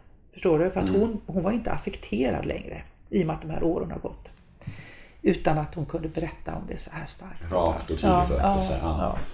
ja. Eh, och sen så blev, var det en jättelång, lång utdragen eh, rättsprocess där Tito blev, ställdes inför rätta. Och eh, det var en väldigt, väldigt jobbig tid för att då var jag ju tvungen att plocka eh, till mig människor som skulle också förhörsledas och det var väldigt många som inte vågade gå in och berätta. Det var väldigt få som vågade vittna. Det var du och typ Carola va? Ja, precis. Och sen var det eh, några till som vågade, som var väldigt, väldigt viktiga. Anders Berglund till exempel, som vågade berätta också om vad, vad, hur Tito hade liksom, hur han hade levt, hur han lever. Och hur han förhåller sig till eh, tjejer. På, och inte bara till min barnflicka utan till Tjejer överlag. tjejer överlag. Som var ganska vedertaget och som jag kunde bekräfta men det var skönt att andra kunde berätta, berätta det. Men eh, eh, det, hela den här processen var fruktansvärt jobb och jag fick faktiskt väldigt mycket elaka eh, brev, anonyma män, människor som hörde av sig anonymt och hotade och till slut så hörde faktiskt polisen av sig och sa att du ska vara lite försiktig. På, på vilket sätt kan jag vara försiktig? Du ska upp och hämta dina barn, sa de, på skolan. Du har fått ett eh, så kallat dödshot. Och eh, det stod, de har ställt emot att de ska hämta dina barn på skolan och vi måste ta sånt här på allvar. Så då var jag orolig. Det var ett högt pris som jag, kan jag säga, skulle göra. Jag skulle göra om samma sak igen. Ingen tvekan. Det har aldrig funnits någon tvekan att, att anmäla. Jag var så glad att äntligen få lov att göra det. Men jag kände att jag kunde inte gå emot min barnflicka. Jag var tvungen att låta henne vara med. Liksom. Vilja vara med. Och under den här tiden så, upp, alltså mitt liv var ju väldigt, eh, jag hade lika mycket då men det var, som hände var att jag fick kontakt med flera andra tjejer som hörde av sig till mig. Och det var väldigt, väldigt eh, fint att få vara till för fler, hjälpa fler. För jag tror att de kände sig, blev sedda genom den här domen som sen fälldes. Där han faktiskt blev dömd på alla punkter. Både på barnflickan och den unga flickan. Hur gammal var den unga? Ja, hon var, jag tror att övergreppen startade när hon var runt 7-8. Skojar du? Usch. Han satt barnvakt. Och, eh, och de här andra flickorna har jag haft kontakt med under tider så här, men eh, fortfarande tänka på dem. Fortfarande tänka, undrar hur det gick. Jag satt med en flicka timmar, timme ut och timme in. Där hon bara liksom fick gråta och jag pratade med mamman till en annan tjej som sa min, min dotter kommer ta livet av sig. Och det var med Tito. Alla Jajamän, Tito? oh ja, ja, ja. ja. Det var det? Det var Jag trodde det. bara var sexuella övergrepp nej, nej, nej, nej. Var alla Nej, Tito alltså? jajamän. Jesus Förstår du? Så att det här är inte, det här inte, det, det vad- slutade inte med domen för den här flickan. Det var internationellt. Folk hörde av sig och berättade om, om där tjejer har anmält honom Mm. för våldtäkt men de inte får rätt. Ehm, som jag fick ta del av. Alltså mitt liv var väldigt så här. Ja, så att, eh, det är svårt, det är synd att säga att det var väldigt skönt att han blev dömd. Men det var det. Det var det. För Mm. Nej, det får du säga, fanns, ja, men, det, men det är alltid hemskt för det finns barn med i den bilden också. Och Mm. jag hade eh, fin kontakt med hans ex, numera ex-ex-fru. För nu var ju även den frun som han levde med då under rättegången som agerade väldigt liksom, eh, aggressivt utåt och fördömde alla förutom sin ena man. Han har ju lämnat henne också och har ytterligare en annan fru. Eh, men den frun som han då hade ganska många barn ihop med, henne hade jag också kontakt med och hon berättade faktiskt ganska eh, otäcka historier som eh, jag inte ska berätta här men som förstärkte bilden utav att det där är en man som är gränslös och farlig. Är och förblir. Ja, jag tycker det är en bra avslutning eh, på den här podden och eh, jag vill tacka dig för att du var med. Tack för att jag fick vara med. Och jag känner så här, men kan inte du komma till mig, nu ska jag iväg och jobba, men kan inte du komma en annan gång? Eh, så vi får prata och du får berätta. Så vi bara kan Ja, För snacka. då du nämner saker som jag blir så här. det där vill jag veta mer om. Ja, men anytime. Ja, Absolut. det vore väldigt mysigt. Jag vill möta din, din tjej och din fyra månaders bebis. Ja, absolut. Jag får ta med dem. Ja, det- vi måste ju dock eh, puffa lite för Shirley Valentine. ja, ja, ja, ja. ja. Därför är du här Ja, igen. det är precis. Ja, men det är ju faktiskt det. Annars skulle ju din manager lacka alla din, din promoter. Ja, ja. ja, men då säger vi det. Shirley Valentine, premiär sista mars eh, förra året. Och nu tar jag upp den igen. I höst. Kommer, I höst på, på Maximteatern. Även i Göteborg på Storan. Det börjar 19 oktober så får man ha lite ut, utkik själv. Och då kör jag först på Maxim och sen åker jag lite till Göteborg och sen tillbaka till Maxim. Så kom och titta på den Ja. här fantastisk, en helt underbart rolig, rörande eh, pjäs ska jag säga. Ja, jag måste komma och Ja, har du inte sett? Nej, jag har inte men sett. då måste du komma och Det är titta. klart jag ska. Den är, den är faktiskt eh, den är, det är ett mastodontprojekt Mm. för mig att göra för det är bara jag på scenen. Två timmar och 40 minuter. Oh, shit. Och det är text, textdrivet, ganska snabb text. Mm. så att det är mycket mm, hjärnjobb. Ehm, men fantastiskt roligt liksom. Det känns som att vi skulle kunna prata i fem timmar till. Ja, jag vet, jag vet. Eh, Det, här, det här blev faktiskt den längsta podden hittills Ja. av alla. På riktigt. Nej, menar du det sant. Den första Oj. podden är över två timmar. Men frågan är, ska du inte Vi klipper nog lite, Ja, du grann, klipper lite grann. Ja. Eh, finns du på sociala medier? Eh, väldigt dåligt. Jag har Facebook. Ja. Men, eh, men jag kan gärna, om du vill att jag ska lägga upp något så kan jag göra det. Jaha. Men jag ja, är nej, jag dåligt tänkte, mest, jag tänkte mest om, om någon lyssnare vill, vill skicka någonting. någonting. Men Jo det- men, det, jo men det kan de göra på, det kan man väl göra på Ja. Facebook. Ja, absolut. Skicka I något. värsta får de skicka till dig så får du Ja, skicka till precis. mig. Jag heter Nemo Hedén på Twitter och Instagram. Hashtaggen är NEMOMÖTE. In och gilla oss på Facebook. Nemo möter en vän. Vi säger jättetack till Maria Lundqvist. Tack! Hej då! Hej då!